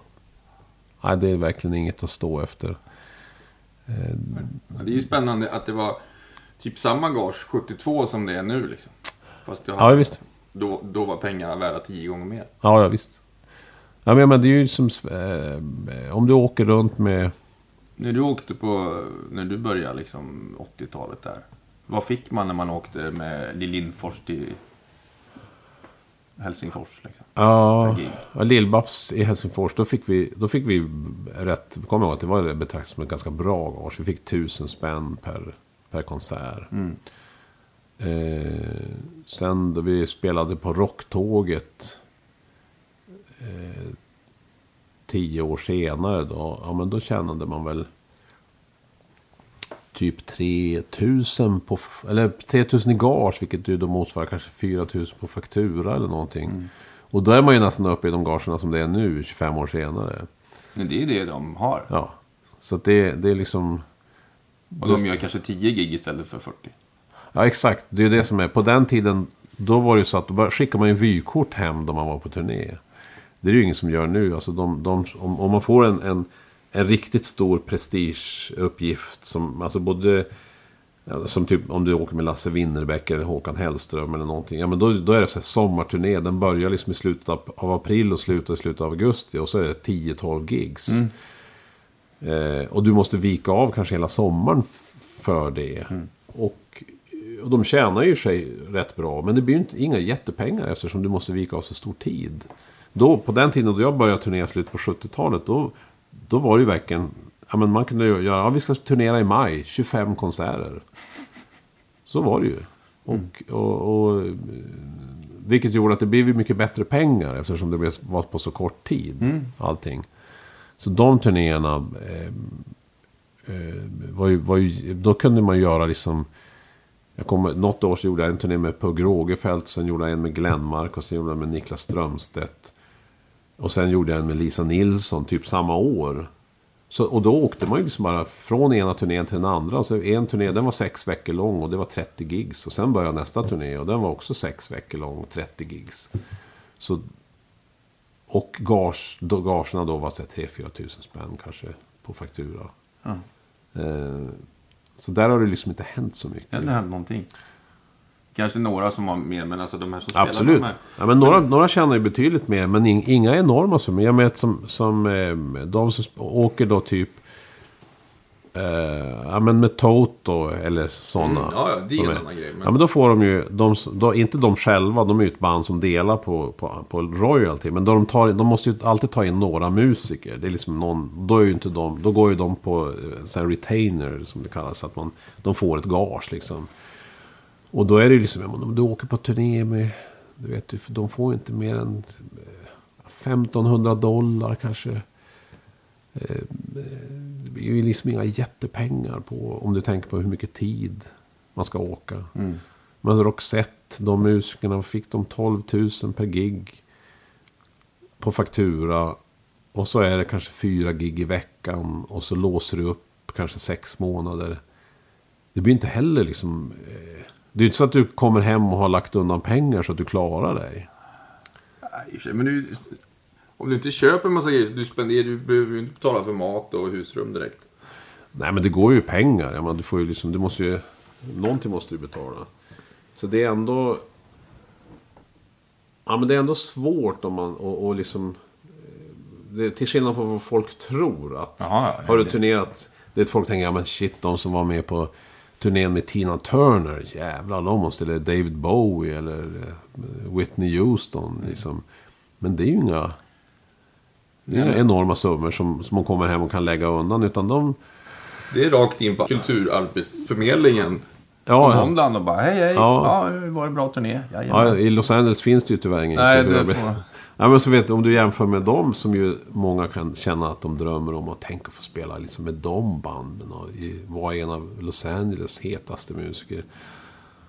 Ja, men då ska du komma ihåg att, ja men okej, då kanske du tjänar liksom istället för att Sverige så kanske du kan, om du är en riktigt, riktigt het, eh, eftertraktad musiker så kanske du kan eh, kan fak- fakturera liksom 7-8 tusen och, liksom, och då du kommer till Los Angeles, ja, men det är kanske 12 tusen, 15 tusen för ett gig. Liksom.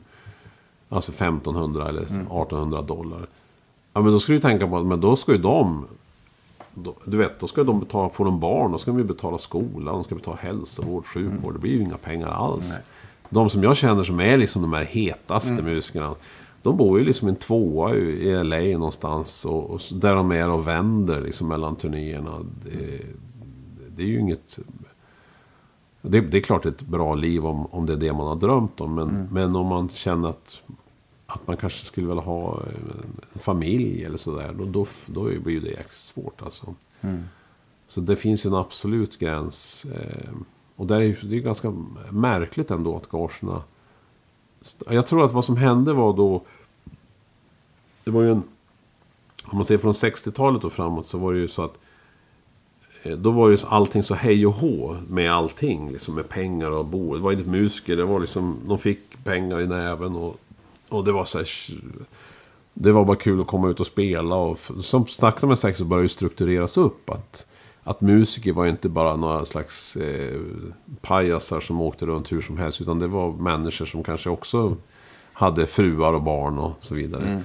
Och, och eh, så småningom så började det struktureras upp i liksom början på 90, slut på 80-90-talet. Där att man till och med började ha lite egna bolag och man började fakturera istället. Och de här liksom största, mest anlitade musikerna då, till exempel Per Lindvall och Henrik Jansson och, och ja, men de började ju liksom ställa krav. Eftersom de visste att vi, vi är verkligen väldigt bra och, och flitigt anlitade. Så de började ställa krav på högre gager. Så sakta men säkert så börjar gagerna gå upp ordentligt. Eh, att man i början på 90 så kunde man liksom säga att ja, men jag ska ha 3000 för en dag i studio. Eh, och man börjar frångå då tarifferna för Musikerförbundets tariffer. De har ju alltid varit så jäkla låga. Så att ska man gå på dem då måste man ha jobb dygnet runt. Eh, 300 dagar om året om man ska kunna klara sig. Ehm, ja, men så då gick ju gagerna upp. Så att då var det nog så att där vid 92, 93, 94 där så då, då, då, eh, då kände man nog att då hade nog musikerna fått upp gagerna till en liksom dräglig nivå som gjorde att man till och med skulle kunna leva som en vanlig familjeperson. Liksom, med, ha barn i skolan och liksom betala av på ett hus eller någonting. Åka på semester till och med. Men sen vet jag att då var det ju flera sådana här avgörande incidenter som gjorde att... Jag kommer ihåg, det var ju då... Eric Gadd hade det här legendariska bandet som spelade med honom. Och, och, under hans uppbyggnaden av den här fantastiska låten som han gjorde, Do You Believe In Me. Och, och då började de ju känna att de hade varit med och byggt upp det här. Och, liksom, och så tyckte de att nej fan nu vill vi ha lite högre gage här. Och då, då fick ju hela bandet sparken. Och så tog de in ett nytt band. Ehm, och, och det, det ska jag inte säga att det var er Gadds beslut. Men i alla fall några kring Erik Gadd bestämde att det skulle vara så. Och, och jag kommer ihåg att det var lite grann i den vevan som är, så, så kändes det som att hela branschen, United Stage, EMA Telstar som de hette då. Att då passade alla på under en period att nu, nu drar vi ner gagen. Nu kommer det nya unga musiker. Nu kan vi sänka gagerna och gå ner lite och strama åt. Därför att då fick, och så sen så blev det mer strukturerat med artisterna. De fick en mycket bättre, eh, proffsigare relation med sina managers. Och överlät mera till EMA. Ni får, ni får prata med musikerna, jag ska inte göra det. Utan, och då såg ju naturligtvis alla bokningsbolag eh, att om det är någonting vi kan hålla ner på så är det ju faktiskt musikerkostnaderna. Därför att det kommer hela tiden nya musiker som tycker att det är toppen att åka för en tusenlapp. Eh, och så länge som det är så, så, så är det ju nej, men det är en marknadsekonomi. Vad fan ska man göra åt det? Det går ju inte, det är liksom, det går inte att säga att det är orättvist ens en gång. Menar, hur ska man kunna säga att det Ja, då, då kan man ju bara säga, men skriv en egen låt då för fan. Det, det, är liksom, det, fin, det, det finns ingen sån rättvisa i, i någons liv. Att, att man tycker att nu åker jag med den här artisten som, som har tjänat 10 miljoner. Ja, det spelar ingen roll.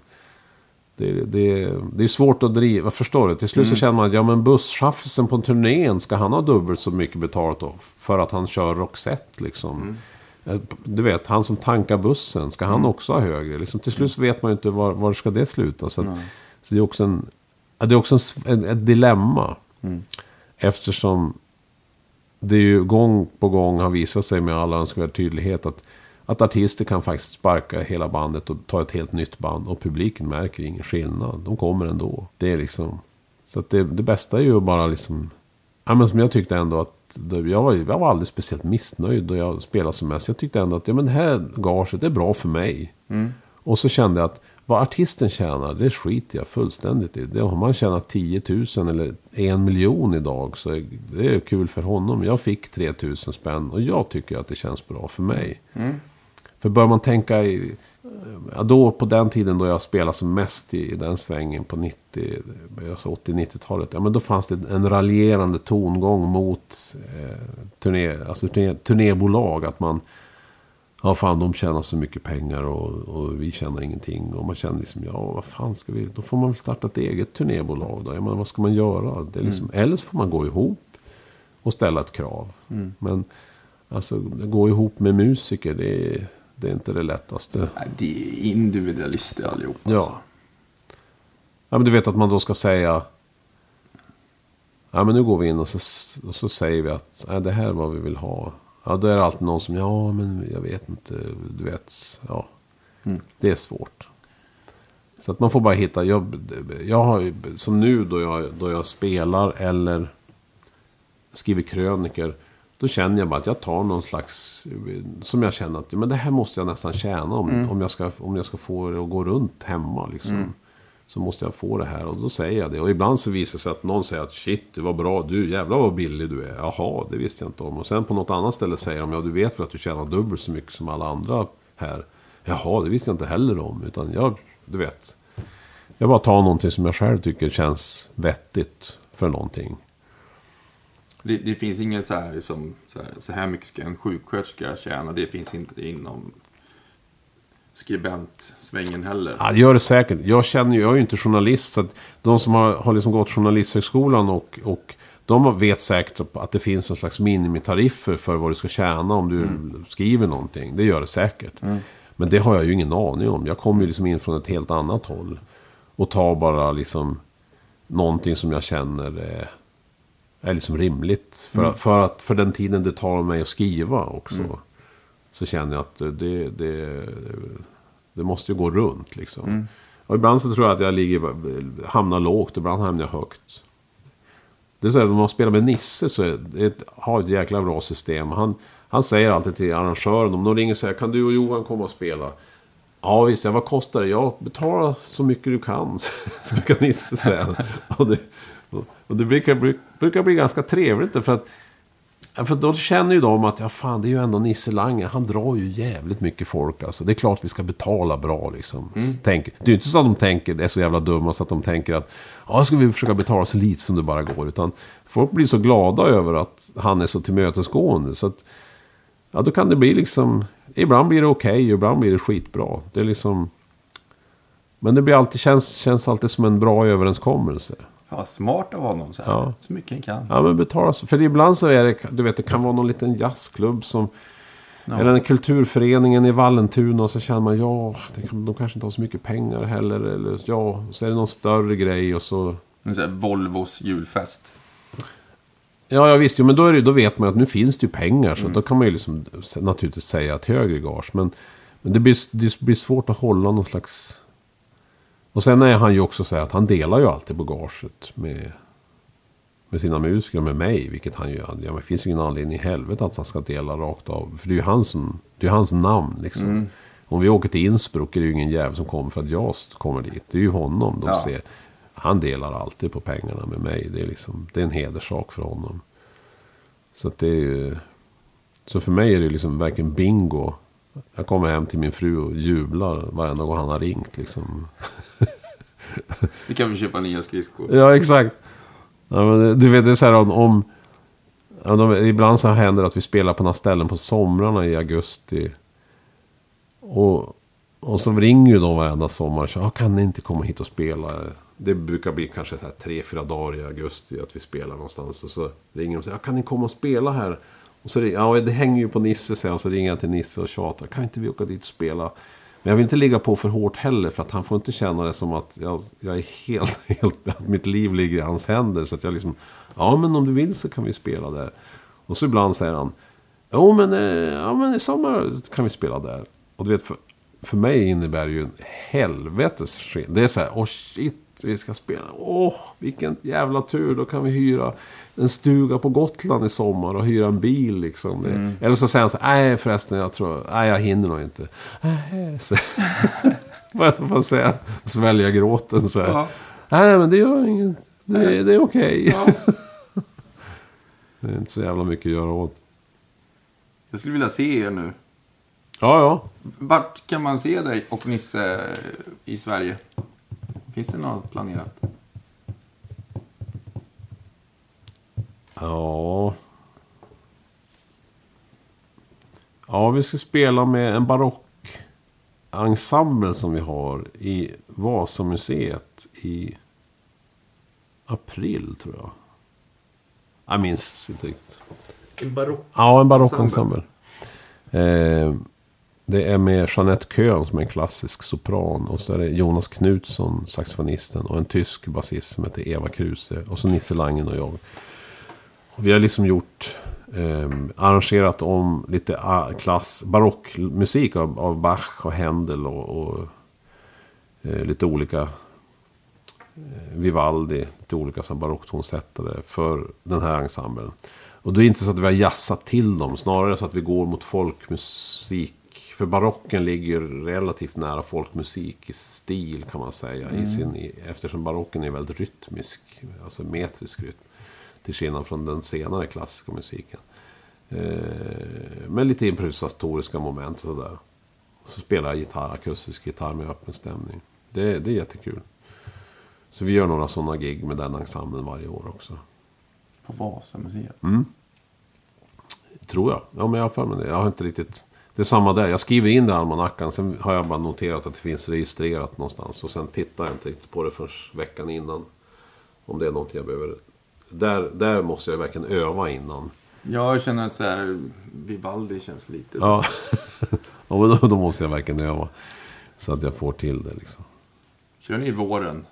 Nej, nej inte våren. Det är ju hitten liksom. Ja, ja, precis. Det är det. Ja, nu måste jag gå hem. Ja, Eh, hade du något avgörande? nej, jag Ja, ville bara eh, tacka dig så hemskt mycket för att du kom hit. Ja, tack för att jag fick komma. Johan, tack så hemskt mycket. Blir ett jävla klippande för dig sen. där.